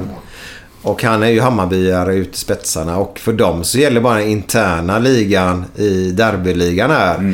Och där, där tappar ni ju ert SM-guld nästan i år kan man ju Ja. säga. Det är ju sant att eh, en loserförening måste ju hitta någonting annat än tabellen. Att, att... Vet du vad de hittade i Blåvitt nu då? Vet du vad någon la ut? Nej. De hade gjort en tabell med andra halvleken bara i Göteborg nu igår. Ja. Och då tror jag Blåvitt kom för typ fyra eller femma. Ja, och det var ju positivt. Ja, ja. Ja, man får ju leta efter de här nu. små föreningar som inte har någonting att glädjas åt, de måste ju försöka hitta någonting. det är så, det är typiskt Hammarby. Blåvitt är ingen liten förening, men... Nej, det är det inte. Historiskt sett så är Blåvitt, de, de, de har vi också en viss respekt för. Alltså, det får man ju säga om Malmö FF som jag inte alls gillar, att det är ändå en förening man får respektera för att de har haft stora framgångar och har det fortfarande. Men Hammarby finns ingen respekt alls faktiskt. Men du, eh, eh, Säger de med ett leende. Alltså, väldigt stort leende det är på tur det finns kameror här. jag, jag gillar ju det här sambafotboll och lite tunnlar då. Vad, är- vad, är- vad är Djurgården kända för? Egentligen så är det ju det. Järnkaminerna. Ja, ja. eh, Som vår supportförening heter. Ja. På grund av att på 50 och 60-talet så hade ju vi väldigt stora, starka spelare. Sigge Parling är väl den, kanske inte bara den, den mest, eh, ska säga, den starkaste, utan den bästa också. Eh, Knivsta Sandberg är en annan. Alltså. Det var ju liksom inga småkillar, utan de, de, de eh, drog ner motståndarna genom att vara fysiskt starkare. Hade- Det, det skapade en bild som inte riktigt har hållit såklart. Så är det ju inte i någon förening att man liksom Nej. väljer den typen. Va? Men det har blivit en, en sorts bild av hur vi har varit historiskt. Och den ska man vi, vara rädd om. Och vi kallar oss det. Vi är järnkaminer fortfarande. Va? Och vi gillar när det smäller. I hockey är det ju väldigt tydligt att publiken går ju aldrig igång så mycket som när vi vinner tacklingarna med 28-18. eller vad. Där, där. Niklas Andersson i Frölunda Hockey. Nu snackar vi tidigt 90-tal. Till och med sent 80-tal tror jag vi är inne på nu. Åh, uh, oh, vad hette de jävla spelarna i Djurgården då? Vadå i hockeyn? Hockeyn ja. Då, då mötte de, år, för då hade man 22 matcher fram till jul där. Och då var det krig alltså. Och sen så var det två lag som åkte ner och eh, gick vidare till nästa slutspel. Då var det ju- du kommer ihåg, Stefan Larsson spelade ju på sprutor och grejer för att de, de, de ville ju vinna varje match. Och då mötte vi just eh, eh, Djurgården. Shit vad jag hatade Djurgården. Men, men, alltså, men, Ja. Vad heter han? Öberg? Eh, Ja, just det. Jens Öling menar du? Eller Jens Öling, förlåt. Ja, ja Öling. Åh, jag kommer inte och, på och namnet Håkan. Södergren var väl med i det Ja, var säkert med. Ja, men vi, det tog, vi var- tog ju SM-gulden 89, 90, 91 va? Så att vi har ju liksom, det, det där har vi ju... Och vem var det som slog i mål då? Det var också någon Eh, känd va? eh, Björn? Nej, be, be, be. Rolf Riddervall. kan Ja, det vara. Riddervall, för fan. Rolf Men då, då mötte ni Malmö i finalerna där va? Ja, någon, Nej, eller var det Inte senare? alla tre. Vi mötte Färjestad och... Ja, för Frölunda och det och Djurgården var ju senare. var ju 92-93 där någon gång säkert där med, Ja, med Niklas Andersson där. Ja. Sen kan jag bli proffs och det då. Men då kommer jag ihåg att det var någon, ni hade en stor jävla back hade ni. Björn Nord. Nej, igen. nej, det är Nej. inte det namnet vi är ute efter. Skitsamma, men det- var, det var kul i alla fall. Ja. För alltså hatet är ju hatet att man Mm. vill att sitt lag ska vinna. Och det hatet gillar jag. För hatet kan ju man ju utveckla på olika sätt. Men hatet som är på arenorna idag. Eh, alltså alla är vi ju emot eh, huliganer ja, ja. som slåss. Men det där hatet med som uppstår på våra arenor ibland idag kan vara väldigt grovt också. Som tur är så är det väl mindre och mindre nu. För det, man, alltså man hör inte lika mycket nu. Eller har jag fel eller? Nej, nej, Jag nej. hoppas du har rätt. Det känns eh, okej faktiskt, gör det. Och jag, jag gillar det goa att man, man, man kan hata fast ändå så, så ska du som Djurgården kunna sitta tre platser längre bort utan att du ska vara rädd. Det vill jag ha. Ja, men jag hade inte gått upp, om jag riktigt ärlig. Jag hade inte satt på mig blåvitt gått på en AIK-match här uppe i, i, i Det är, inte, Stockholm. det är inte värt det. Nej. Jag hade, jag hade inte gjort det för jag hade inte känt mig bekväm faktiskt. Och ska jag vara riktigt ärlig. Djurgården hade jag nog heller inte gått på faktiskt. För jag har mött era halvhuliganer faktiskt. Och de är inte så himla roliga. Och de är äldre också. Det är inga små 15-åringar. De där firmorna som finns, det är ju liksom, det är ju stadgade familjefäder som gillar att slåss. Och är jobbar här. Många av dem på Östermalm. Ja, säkert. Men, eh, men jag ska säga det att jag var ju nere och såg då eh, Blåvitt Göteborg. Vad sa du att det blev Glenn? Tre, tre Ja, jag var förträngd, jag har ingen aning. Nästa, Tre till Djurgården. vilket år snackar till- du? Ja, du ser. Eh, vilket fall som helst, då satt ju jag bland bara Blåvitt-fans. Och de fick ju chansen att, att liksom jubla en gång. Jag fick det tre gånger. Men jag mötte ju inga, alltså jo lite sura miner, men inget hat. Inga, alltså inget sånt där. Det var en kille som sa Sätt dig ner. Jo men rått, rått med hjärtligt ska det Ja, vara. ja, Ja, då man ja, kan ja, ja, häckla ja. där. Du din jävla kommunist. Sätt Ja, ja, dig ner nu. ja, det hade man kunnat säga så man kan Jo, köra. men det är ju det som är Ja. kul. Det älskar Men jag. jag, jag kände mig aldrig otrevlig, jag kände mig aldrig hotad eller något sånt där. Utan det var ju liksom, de älskar ju fotboll. Men de höll på ett annat lag och det laget var inte så bra just den matchen. Nej, nej, nej, nej. Men du, eh, du, har ju en kollega som är, eller kollega och kollega, jag vet inte, men som är jävligt djurgårdare också. Ja. Ulf Adelsson är väl eh, Ja, är grym djurgårdare, eller? Ja, han. Går han på matcherna fortfarande, eller? Ja, det tror jag. Jag ser aldrig honom, men eh, vi har ju inte så mycket gemensamt han och jag. Nej, jag nej, brukar nej. ju mer framhålla en annan partiledare som, som höll på Djurgården. Det var ju Olof Palme. Jaha, jaha. Ja, Det visste det, jag det är inte. många som inte vet om det, men han var Inte en väldigt stark Djurgårdssupporter. Ja. Eh, Så att, eh, och eftersom jag nu dessutom omvärderar honom till allt mer positiv eh, så tycker jag att det kan man också framhäva. Att Sen har vi då... Han, nu, nu. har varit uppe, du, innan vi går bort här nu. Innan vi går bort.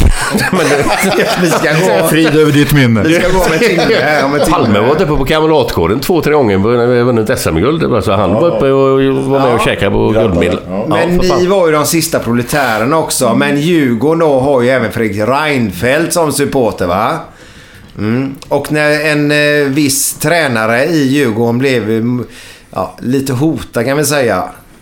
Så gick han ju ut i nästan nationell TV och Ja, det fördömde detta då. Ja. Eh, och jag ska inte säga, jag, jag dömer inget. Det var jättebra att du gjorde det. Men det var lite konstigt. Det finns ju massa andra grejer man kan fördöma innan man går ut och fördömer just den biten då. Som statsminister då, tycker jag. Men en annan sak. Men det är han ju bara tappade så. omdömet, vi ska säga som det är. Han tappade omdömet. Ja, han blev inte- förbannad. Det var känslor. Ja, det är så, Ja. så där får inte en statsminister bete sig. Nej, men känslor är känslor. Jag gillar det. Men tyvärr alla ni här uppe i Stockholm har så mycket känslor och ni går runt med en jävla ångest och det är på grund av detta Glenn. Jag vet. Fem på morgonen i New York City går en man i en sliten gammal hatt. Sveper rocken kring den tunna kroppen.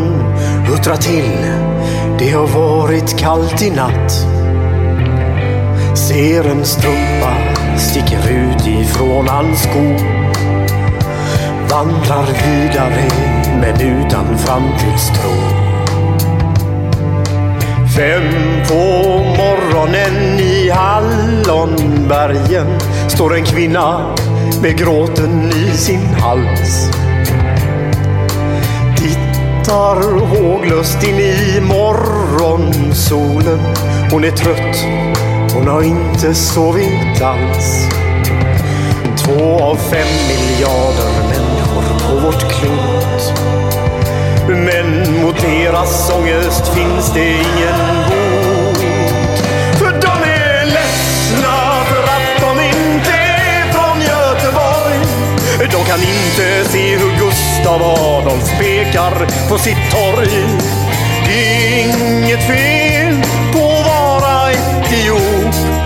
Men inte riktigt rätt ändå, det vet de allihop.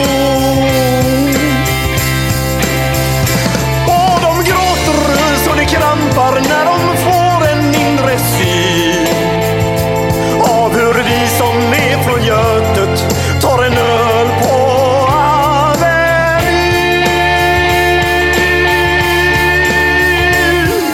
En fotbollskille får sitt genombrott och snackar proffskontakt med fem italienska klubbar. Ändå känner han att tåget har gått.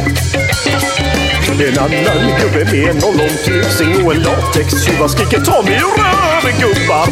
Men det ger honom inte nåt. Samma tomma blick och tårar salta smak. Om man frågar säger båda samma sak. De är ledsna för att de inte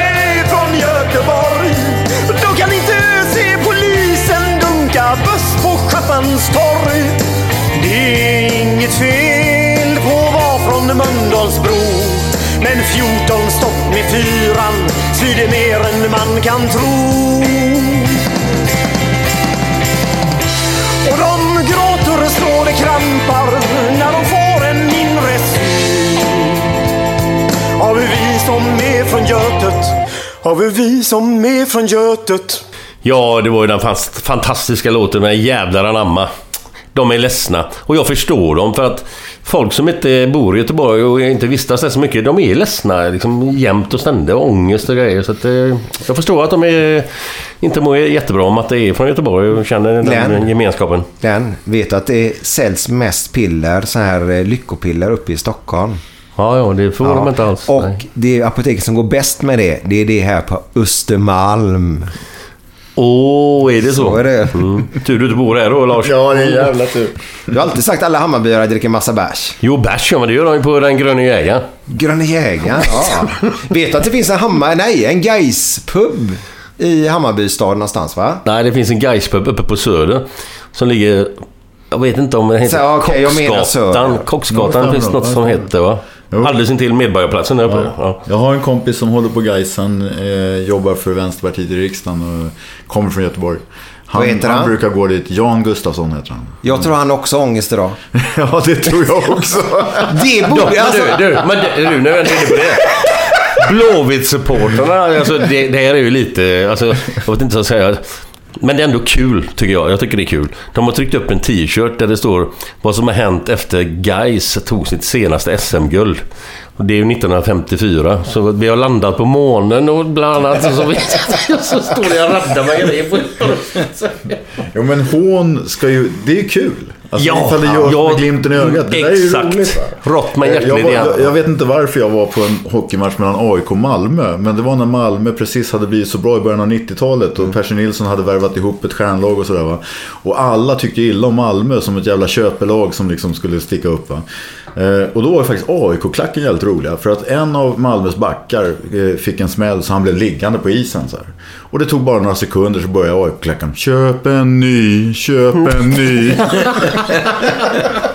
det, är, jag gillar, det är på gränsen men det håller. Nej, men det är ändå Ja, det, humor. det, det håller alla dagar i Jag tycker det är humor. Alltså, jag tycker Ja. det är humor. Absolut. Vi, vi står ju för detta just att vi vill ju ha det här lite mera. Lite mera just på läktaren. Att det ska vara, vara lite förnyliga, mera ramser och rättar. För det blir lite godare. Ja. Det ska, inte, det ska inte vara elakt alltså, men det ska vara lite glimten som du säger. Fy fan, det är underbart. Och, det, och den här podden är ju till för att bryta fördomar. Du är en kommunist, eller före detta kommunist, och du väckte det ordet för att det var jobbigt att jobba emot själva ordet som du sa. Och varför jobba emot ett ord? Det är väl bättre att ta väck det då? Ja. ja. Ja, så därför är du här som person. Men du, nu är det så här Lars-Olle. Vi har hört, har vi en punkt i den här eh, podden. Och då sa den här personen att vi skulle bara säga smink. Jaha, eh, då vet jag vad det handlar om. Vi Eh, gör det, vad gött. vet Bara, man- bara en fråga innan. Har, har, har du tomt eller vill du ha mer? Nej, det är bra. Det är bra. Eh, Ja. Du vet, när man är med i eh, tv så får man ju alltid smink på sig innan och, och de stylar ju till en snyggt och sådär så att det inte ska blänka i tv-kamerorna och ljuset och sådär. Eh, och när Göran Persson skulle vara med i Agenda då satt jag med och, och skulle kolla på det där för att jag var, skulle vara med i studion senare. Va? Men de skulle börja med att Lars Adaktusson skulle intervjua Göran Persson. Och han var sminkad och fin och jag, Lars Adaktusson var sminkad och fin. Och sen så började signaturen gå ut liksom i etern så här. eh, Agenda-signaturen. Då böjer sig Göran Persson fram mot Lars Adaktusson och säger Finns det någon sminkös här? Nej, nej för fan, det hinner vi inte med. Vi ska börja nu, säger Adaktusson. Ja, det är synd det, för du är så jävla svettig på överläppen. Sa han det? ja, den är underbar. Det är en sån härskarteknik va. Så det... Exakt vad det jag skulle säga. Han... Och Adaktusson blev ju alldeles... Han började torka sig på överläppen. Ja. Den är så jävla underbar. Alltså, den här mannen då som du pratar nu, Göran Persson. Jag har hört rykten om honom att han, han var ju mästare på härskarteknik. Yes. Och jag tror till och med att vi har även haft Janne Josefsson i den här podden. I början där. Och det måste... Två avsnitt med honom där och ni vill höra hur det var på Göteborg förr i tiden och hur han har jobbat och blivit mordhotad och allt möjligt. Och han berättade, om inte jag har helt fel nu, att han skulle göra intervju med Göran Persson. Och precis innan intervjun går igång så kör han något sånt där. Fan, har du inte haft semester eller? Jo, jo, vadå då? Nej, du ser för jävlig ut. Ja, men det sa han. Det sa han. Jag kommer ihåg det. Kommer ihåg Ja, och han bara...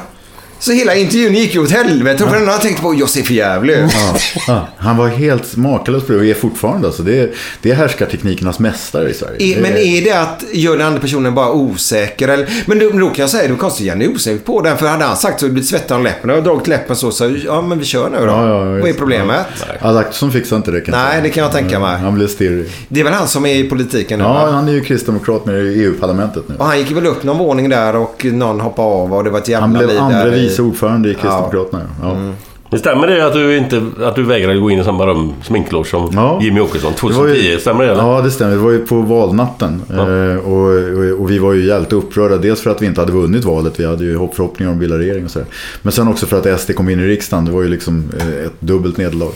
Och då ville Sveriges Television göra en grej av att jag skulle sitta i sminkstolen bredvid Jimmy Åkesson. Ja, bägge kanterna. Och det skulle vara kul liksom. Det skulle, Ja. och, och den som, som skulle intervjua var Christian Lok. Han var liksom den som tog emot oss när vi kom till tv och sådär va. Och då sa, sa jag till min pressekreterare som var med så här att det där ställer vi inte upp på. Liksom så här. Nej, så han gick ju fram och sa det. Du, inget, sånt där vill vi inte vara med om. Utan vi, vi vill ha en seriös liksom, diskussion här om valresultat och sådär. Och så försökte de lura mig. Och säga nej men han sitter inte där inne. Kom igen nu, du kan gå in liksom så här. Och så, och så när jag kommer han och säger, säger till, men du han sitter väl där inne?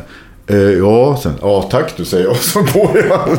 Vänder mig om bara och säger det där det, det får ni köra på någon annan. Nej men det är kul att du säger detta, att du håller på samma linje fortfarande. Du sa ju Ja. förut att du kan inte spela någon annan jävla roll, utan du går in med det och... Nej men alltså Så det, att, det, nej, är ju också skönt att att höra. kan, ibland kan man ju, det kan väl även jag någon gång få tvingas hålla masken när man egentligen inte är så lycklig. Men i längden ska man inte hålla på så. I längden ska man faktiskt vara sig själv och säga nej, det här, jag, jag ställer inte upp på det här. Det här är ert spel, ni vill ha en viss vinkel på det här. Nej, det är inte min vinkel, jag ställer inte upp, jag vänder. Och sen fick jag ju både skit och be- beröm för det såklart. Det fanns ju de som tyckte att det var det bästa som hände i den valrörelsen. Va? Och det fanns ju de som tyckte att det var barnsligt. Va? Men, men jag har inga problem med att stå för att jag faktiskt, jag, jag följde bara vad jag kände. Men det där med att sätta, som du gör i det läget, då, så tror jag de flesta människorna säger sig, nu säger inte jag i politikens, utan i, i, i vardagliga eh, situationer, att det är en person som står och eh, pratar illa om någonting, säger vi då. Det enklaste är ju bara att vara tyst, hålla med och gå därifrån. Och inte ta ställning. För då blir man ju obekväm. Obekvämlighet med svenskar, det är ju inget positivt. Utan då, då har vi lust att gå och gråta och gå och lägga oss under täcke och gå och gömma oss. Eh, varför är det så med oss svenskar? Det är en bra fråga, men det, det håller jag med om. Det är en, det är en bra spaning. Vi, är- vi är inte så känslomässiga. Vi liksom vill lägga band på oss. Och vi vill gärna passa in. Och, och är man i ett sammanhang där man inte är riktigt säker, ja då, då försöker man passa in. Man skrattar åt skämten, fast de inte är särskilt kul. Mm. Glenn drar åt och så, håller- så håller man med. Grupptryck är det. Ja, men och så vill man ju inte göra honom ledsen genom att liksom visa hur jävla dåliga skämt han drar.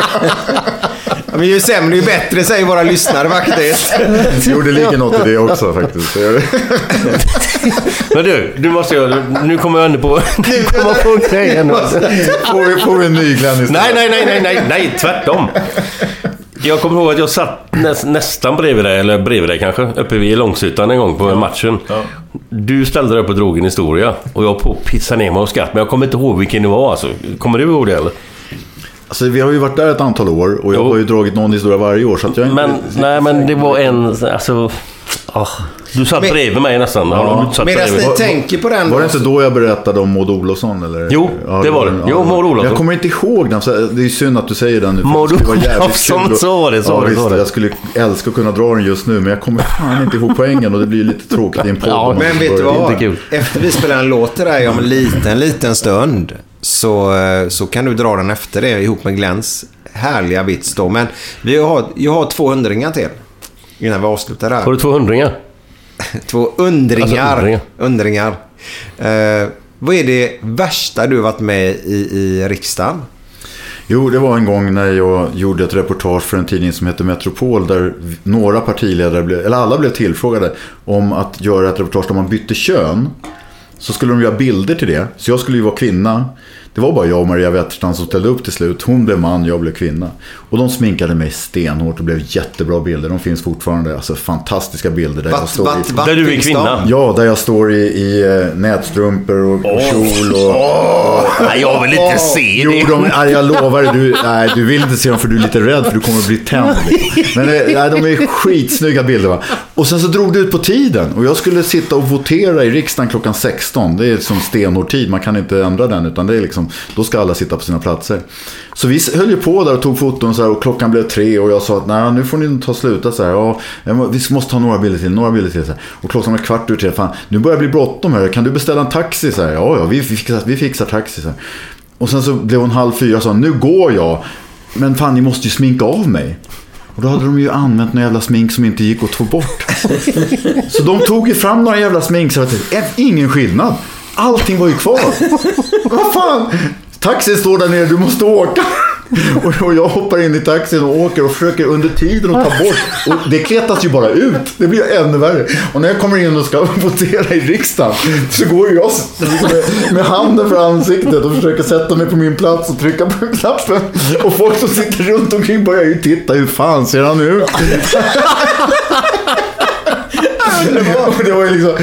så jävla tabbe att liksom komma in där och, och ansiktet var helt sminkat och utsmetat med smink. Eh, det är ingen bra grej kan jag Men, eh, du, Det är du, du, det värsta, du, du hade fått av dig nässtrumporna i alla fall eller? Jag hade fått byta kläder. Det var en jävla tur Det hade varit kul om du inte hade gjort det. Visst.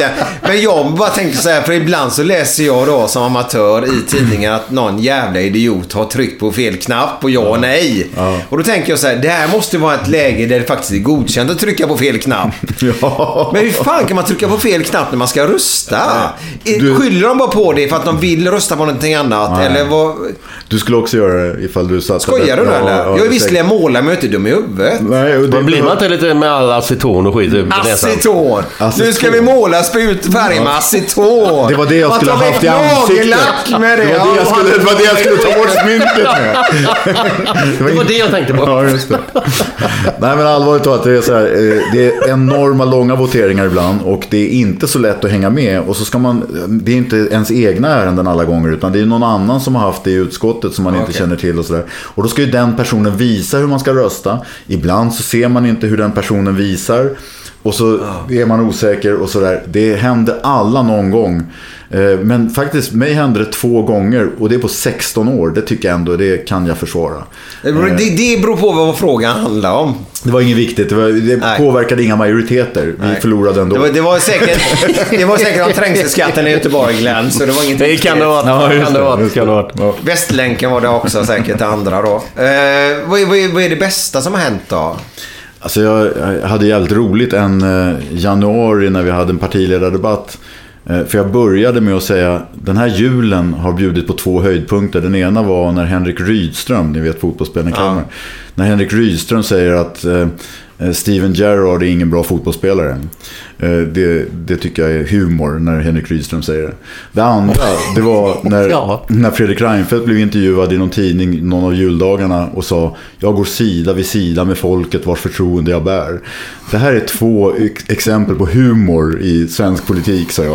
Eh, och, det, och, och Reinfeldt han blev alldeles tagen. När han skulle ta replik så, så kunde- kom han av sig. Därför att han, liksom, han var så fast vid det där med Rydström och Steven Gerrard. Han- liksom, ja, Steven Gerrard. Nej, jag menar eh, Henrik Rydström. Nej! Och han var inte lätt att få ur balans kan man Nej, säga. nej. Därför att eh, är det någonting man har respekt för Reinfeldt med så var det att han faktiskt hade kontroll. Va? Så att han var en svår motståndare i debatter. Men den där gången lyckades jag. Du, varför, ja, vi vi har säkert sagt det förut, men det är kul att få med det i podden också. Varför blir det Liverpool för dig? För du har en stor tatuering på vaden. Ja. Och på en bild syntes något mer än bara vaden. Vad- vad- Hur gick det till? Ja, det undrar jag hur fan den når dit ner alltså. Den första- Det är jag mest intresserad av. Den är lång. Äh, Jag sitter här nu i morgonrock kan jag säga då. Nej, Ja, men den, första frågan, den, den är, är jag, jag vet att jag är inte är ensam om det, men det var faktiskt på 60-talet när Beatles slog igenom. Okej. Beatles kom från Liverpool. Och sen så blev man intresserad av fotboll och så började man kolla på engelsk fotboll, brittisk fotboll och så började man, Liverpool, där kom Beatles från. Eh, Så att det var inte svårare än så. Att jag började hålla på dem på 60-talet när jag var kanske 10 och sen har det hängt med. Va? Och så har det blivit starkare och starkare såklart. Så att nu är jag ju väldigt engagerad Liverpool-supporter. Det andra var att när jag hade gjort den här tatueringen så var jag så jävla nöjd. Den är så snygg. Det är ju Liverbird, alltså Liverpools eh, klubbmärke. Eh, och, den, eh, och det, min är mycket större än din. Och den... eh, Vilken menar du? Min tatuering är mycket större än din. Eh, Och, eh, och då ville jag ju lägga ut en bild när jag hade badat ut på landet. Så, så tog jag en bild på vaden och min tatuering. Och tyckte det var en jävla snygg bild. Så jag la ut den på Instagram. Och sen så torkade jag mig och sen så gick jag hem. Och det tog väl en halvtimme. Och sen så när jag kom hem så ringde Aftonbladet. Och så sa de. Hör du, du har lagt ut en bild här på Instagram. Ja, det stämmer. Ja, den visar nog lite mer än vad du har tänkt. Jaha, sa jag. Och satte jag på mig glasögonen och såg att det var ju ett skrev som inte skulle vara där. Med tillhörande attiraljer. Eh, så jag tog ju bort den där snabbt som fan och tänkte helvete också. Då visade det sig att varenda jävla hade tagit en skärmdump på den där. Så den spreds ju på internet och folk började höra av sig och, och media ringde och frågade. Och jag fick ju många kommentarer. Va? En kommentar var ju från Carl Bildt. Grattis till din senkomna uppmärksamhet, skrev han. Eh, det, det är också humor. Det är? Håkan Juholt var ännu bättre. Han skrev eh, i ett sms skrev han till mig. Hej Lars, jag hade tänkt käka grillkorv ikväll men nu blir det kyckling. Juholt är ganska rolig den jäveln. Seriöst alltså. Han är faktiskt det. Vad var det han sa senast där på Island? Att vi kommer inte ha en demokrati kvar, eller vad han sa? Ja, det, det tolkades nog värre än vad det var. Men han, vad han sa var att han var orolig för att svensk demokrati håller på att förfalla genom att människor inte längre engagerar sig. Och inte vet vad de röstar på. Vi har det för bra helt Eh, enkelt. Och, och ifall vi inte sätter, in, sätter oss in i vad de olika alternativen står för, då kommer det till slut att bli så att det, de som styr inte har stöd. Och det är ju inte en demokrati. Och det var väl så han menade va?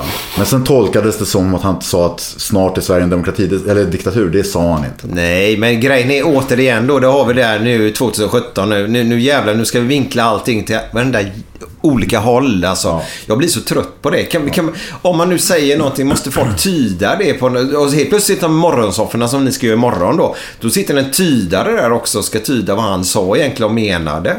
Han sitter på Island och har det gött nu. Jag kan tala om för att det är ingen som kan tyda mitt språk imorgon bitti kanske. Det kommer jag få göra i närbild kan jag säga då. Lars, alltså tack för två härliga timmar. Jättekul. Och det, det, det värsta är att vi, vi har ju hållit på nu två och en halv timme och eh, jag har nog skrattat mer mellan tagningarna mot när vi har tagit faktiskt. Men så här brukar det vara i den här podden och jag hoppas att du tyckte att det här var okej fast att vi spårade ur många gånger. Absolut. Det är, som gammal järnvägare så får man ta det.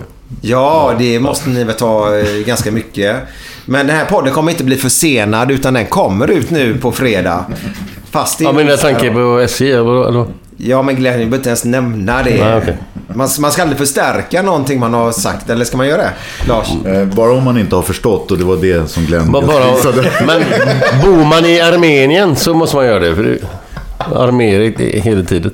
Det, det måste man ju förstärka ja, Är det någon som fattar vad Glenn vill sagt nu så... så Arme- armera alltså. oss då. Men Lars Ohly, om man vill se sådana här snoppbilder då. Vilket Instagram har du?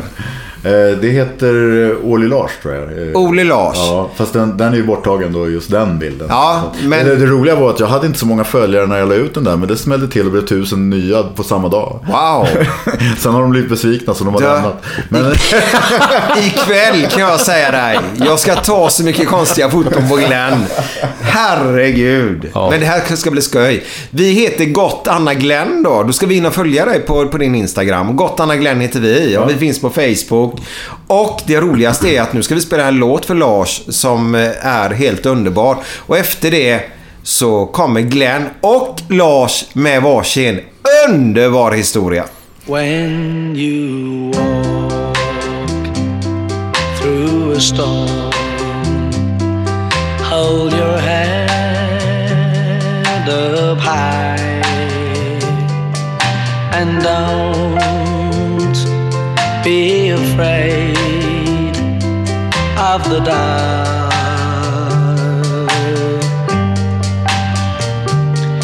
At the end of a storm. There's a golden sky and the sweet silver sound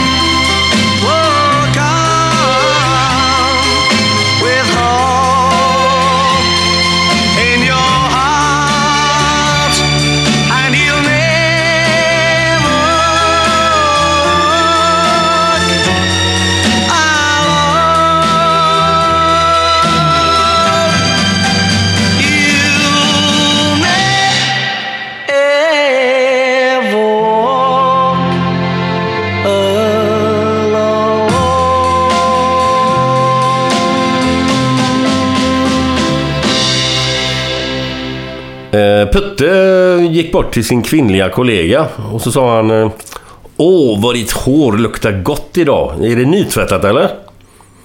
Kvinnan blev vansinnig. Gick till chefens kontor och talade om att hon hade blivit sextrakasserad på sitt jobb. Vad är det som har hänt? frågar chefen. Ja, Putte sa att mitt hår luktar nytvättat. Ja, men vad fan. Vad är det för farligt med det? Ja, men för helvete vad är det som är så farligt med det? Putte är ju för fan dvärg.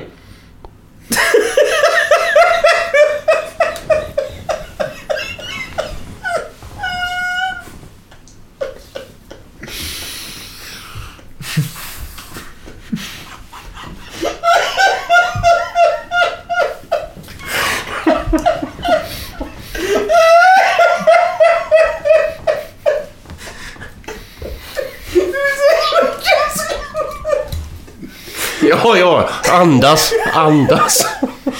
Lars, har du någon bra? E- Efter det här, då vet jag faktiskt inte. Det är- svårt att toppa den. Eh, Ja, men, Jag toppar den, det var ganska lätt. Ja, i och för sig. Jag tror att du kan toppa den ganska enkelt. Ja, eh, jag, jag kan försöka att inte sänka nivån i alla fall.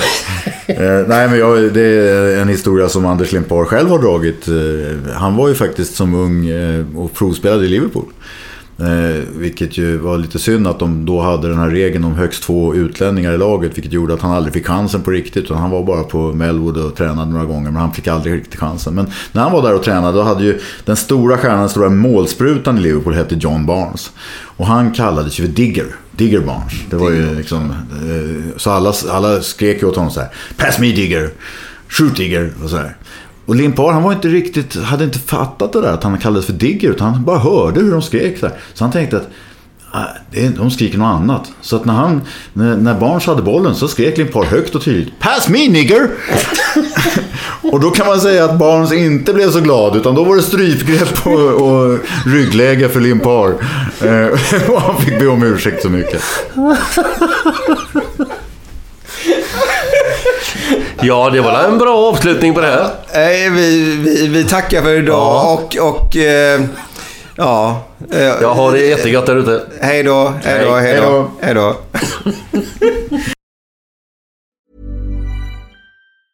Hey, it's Danny Pellegrino from Everything Iconic.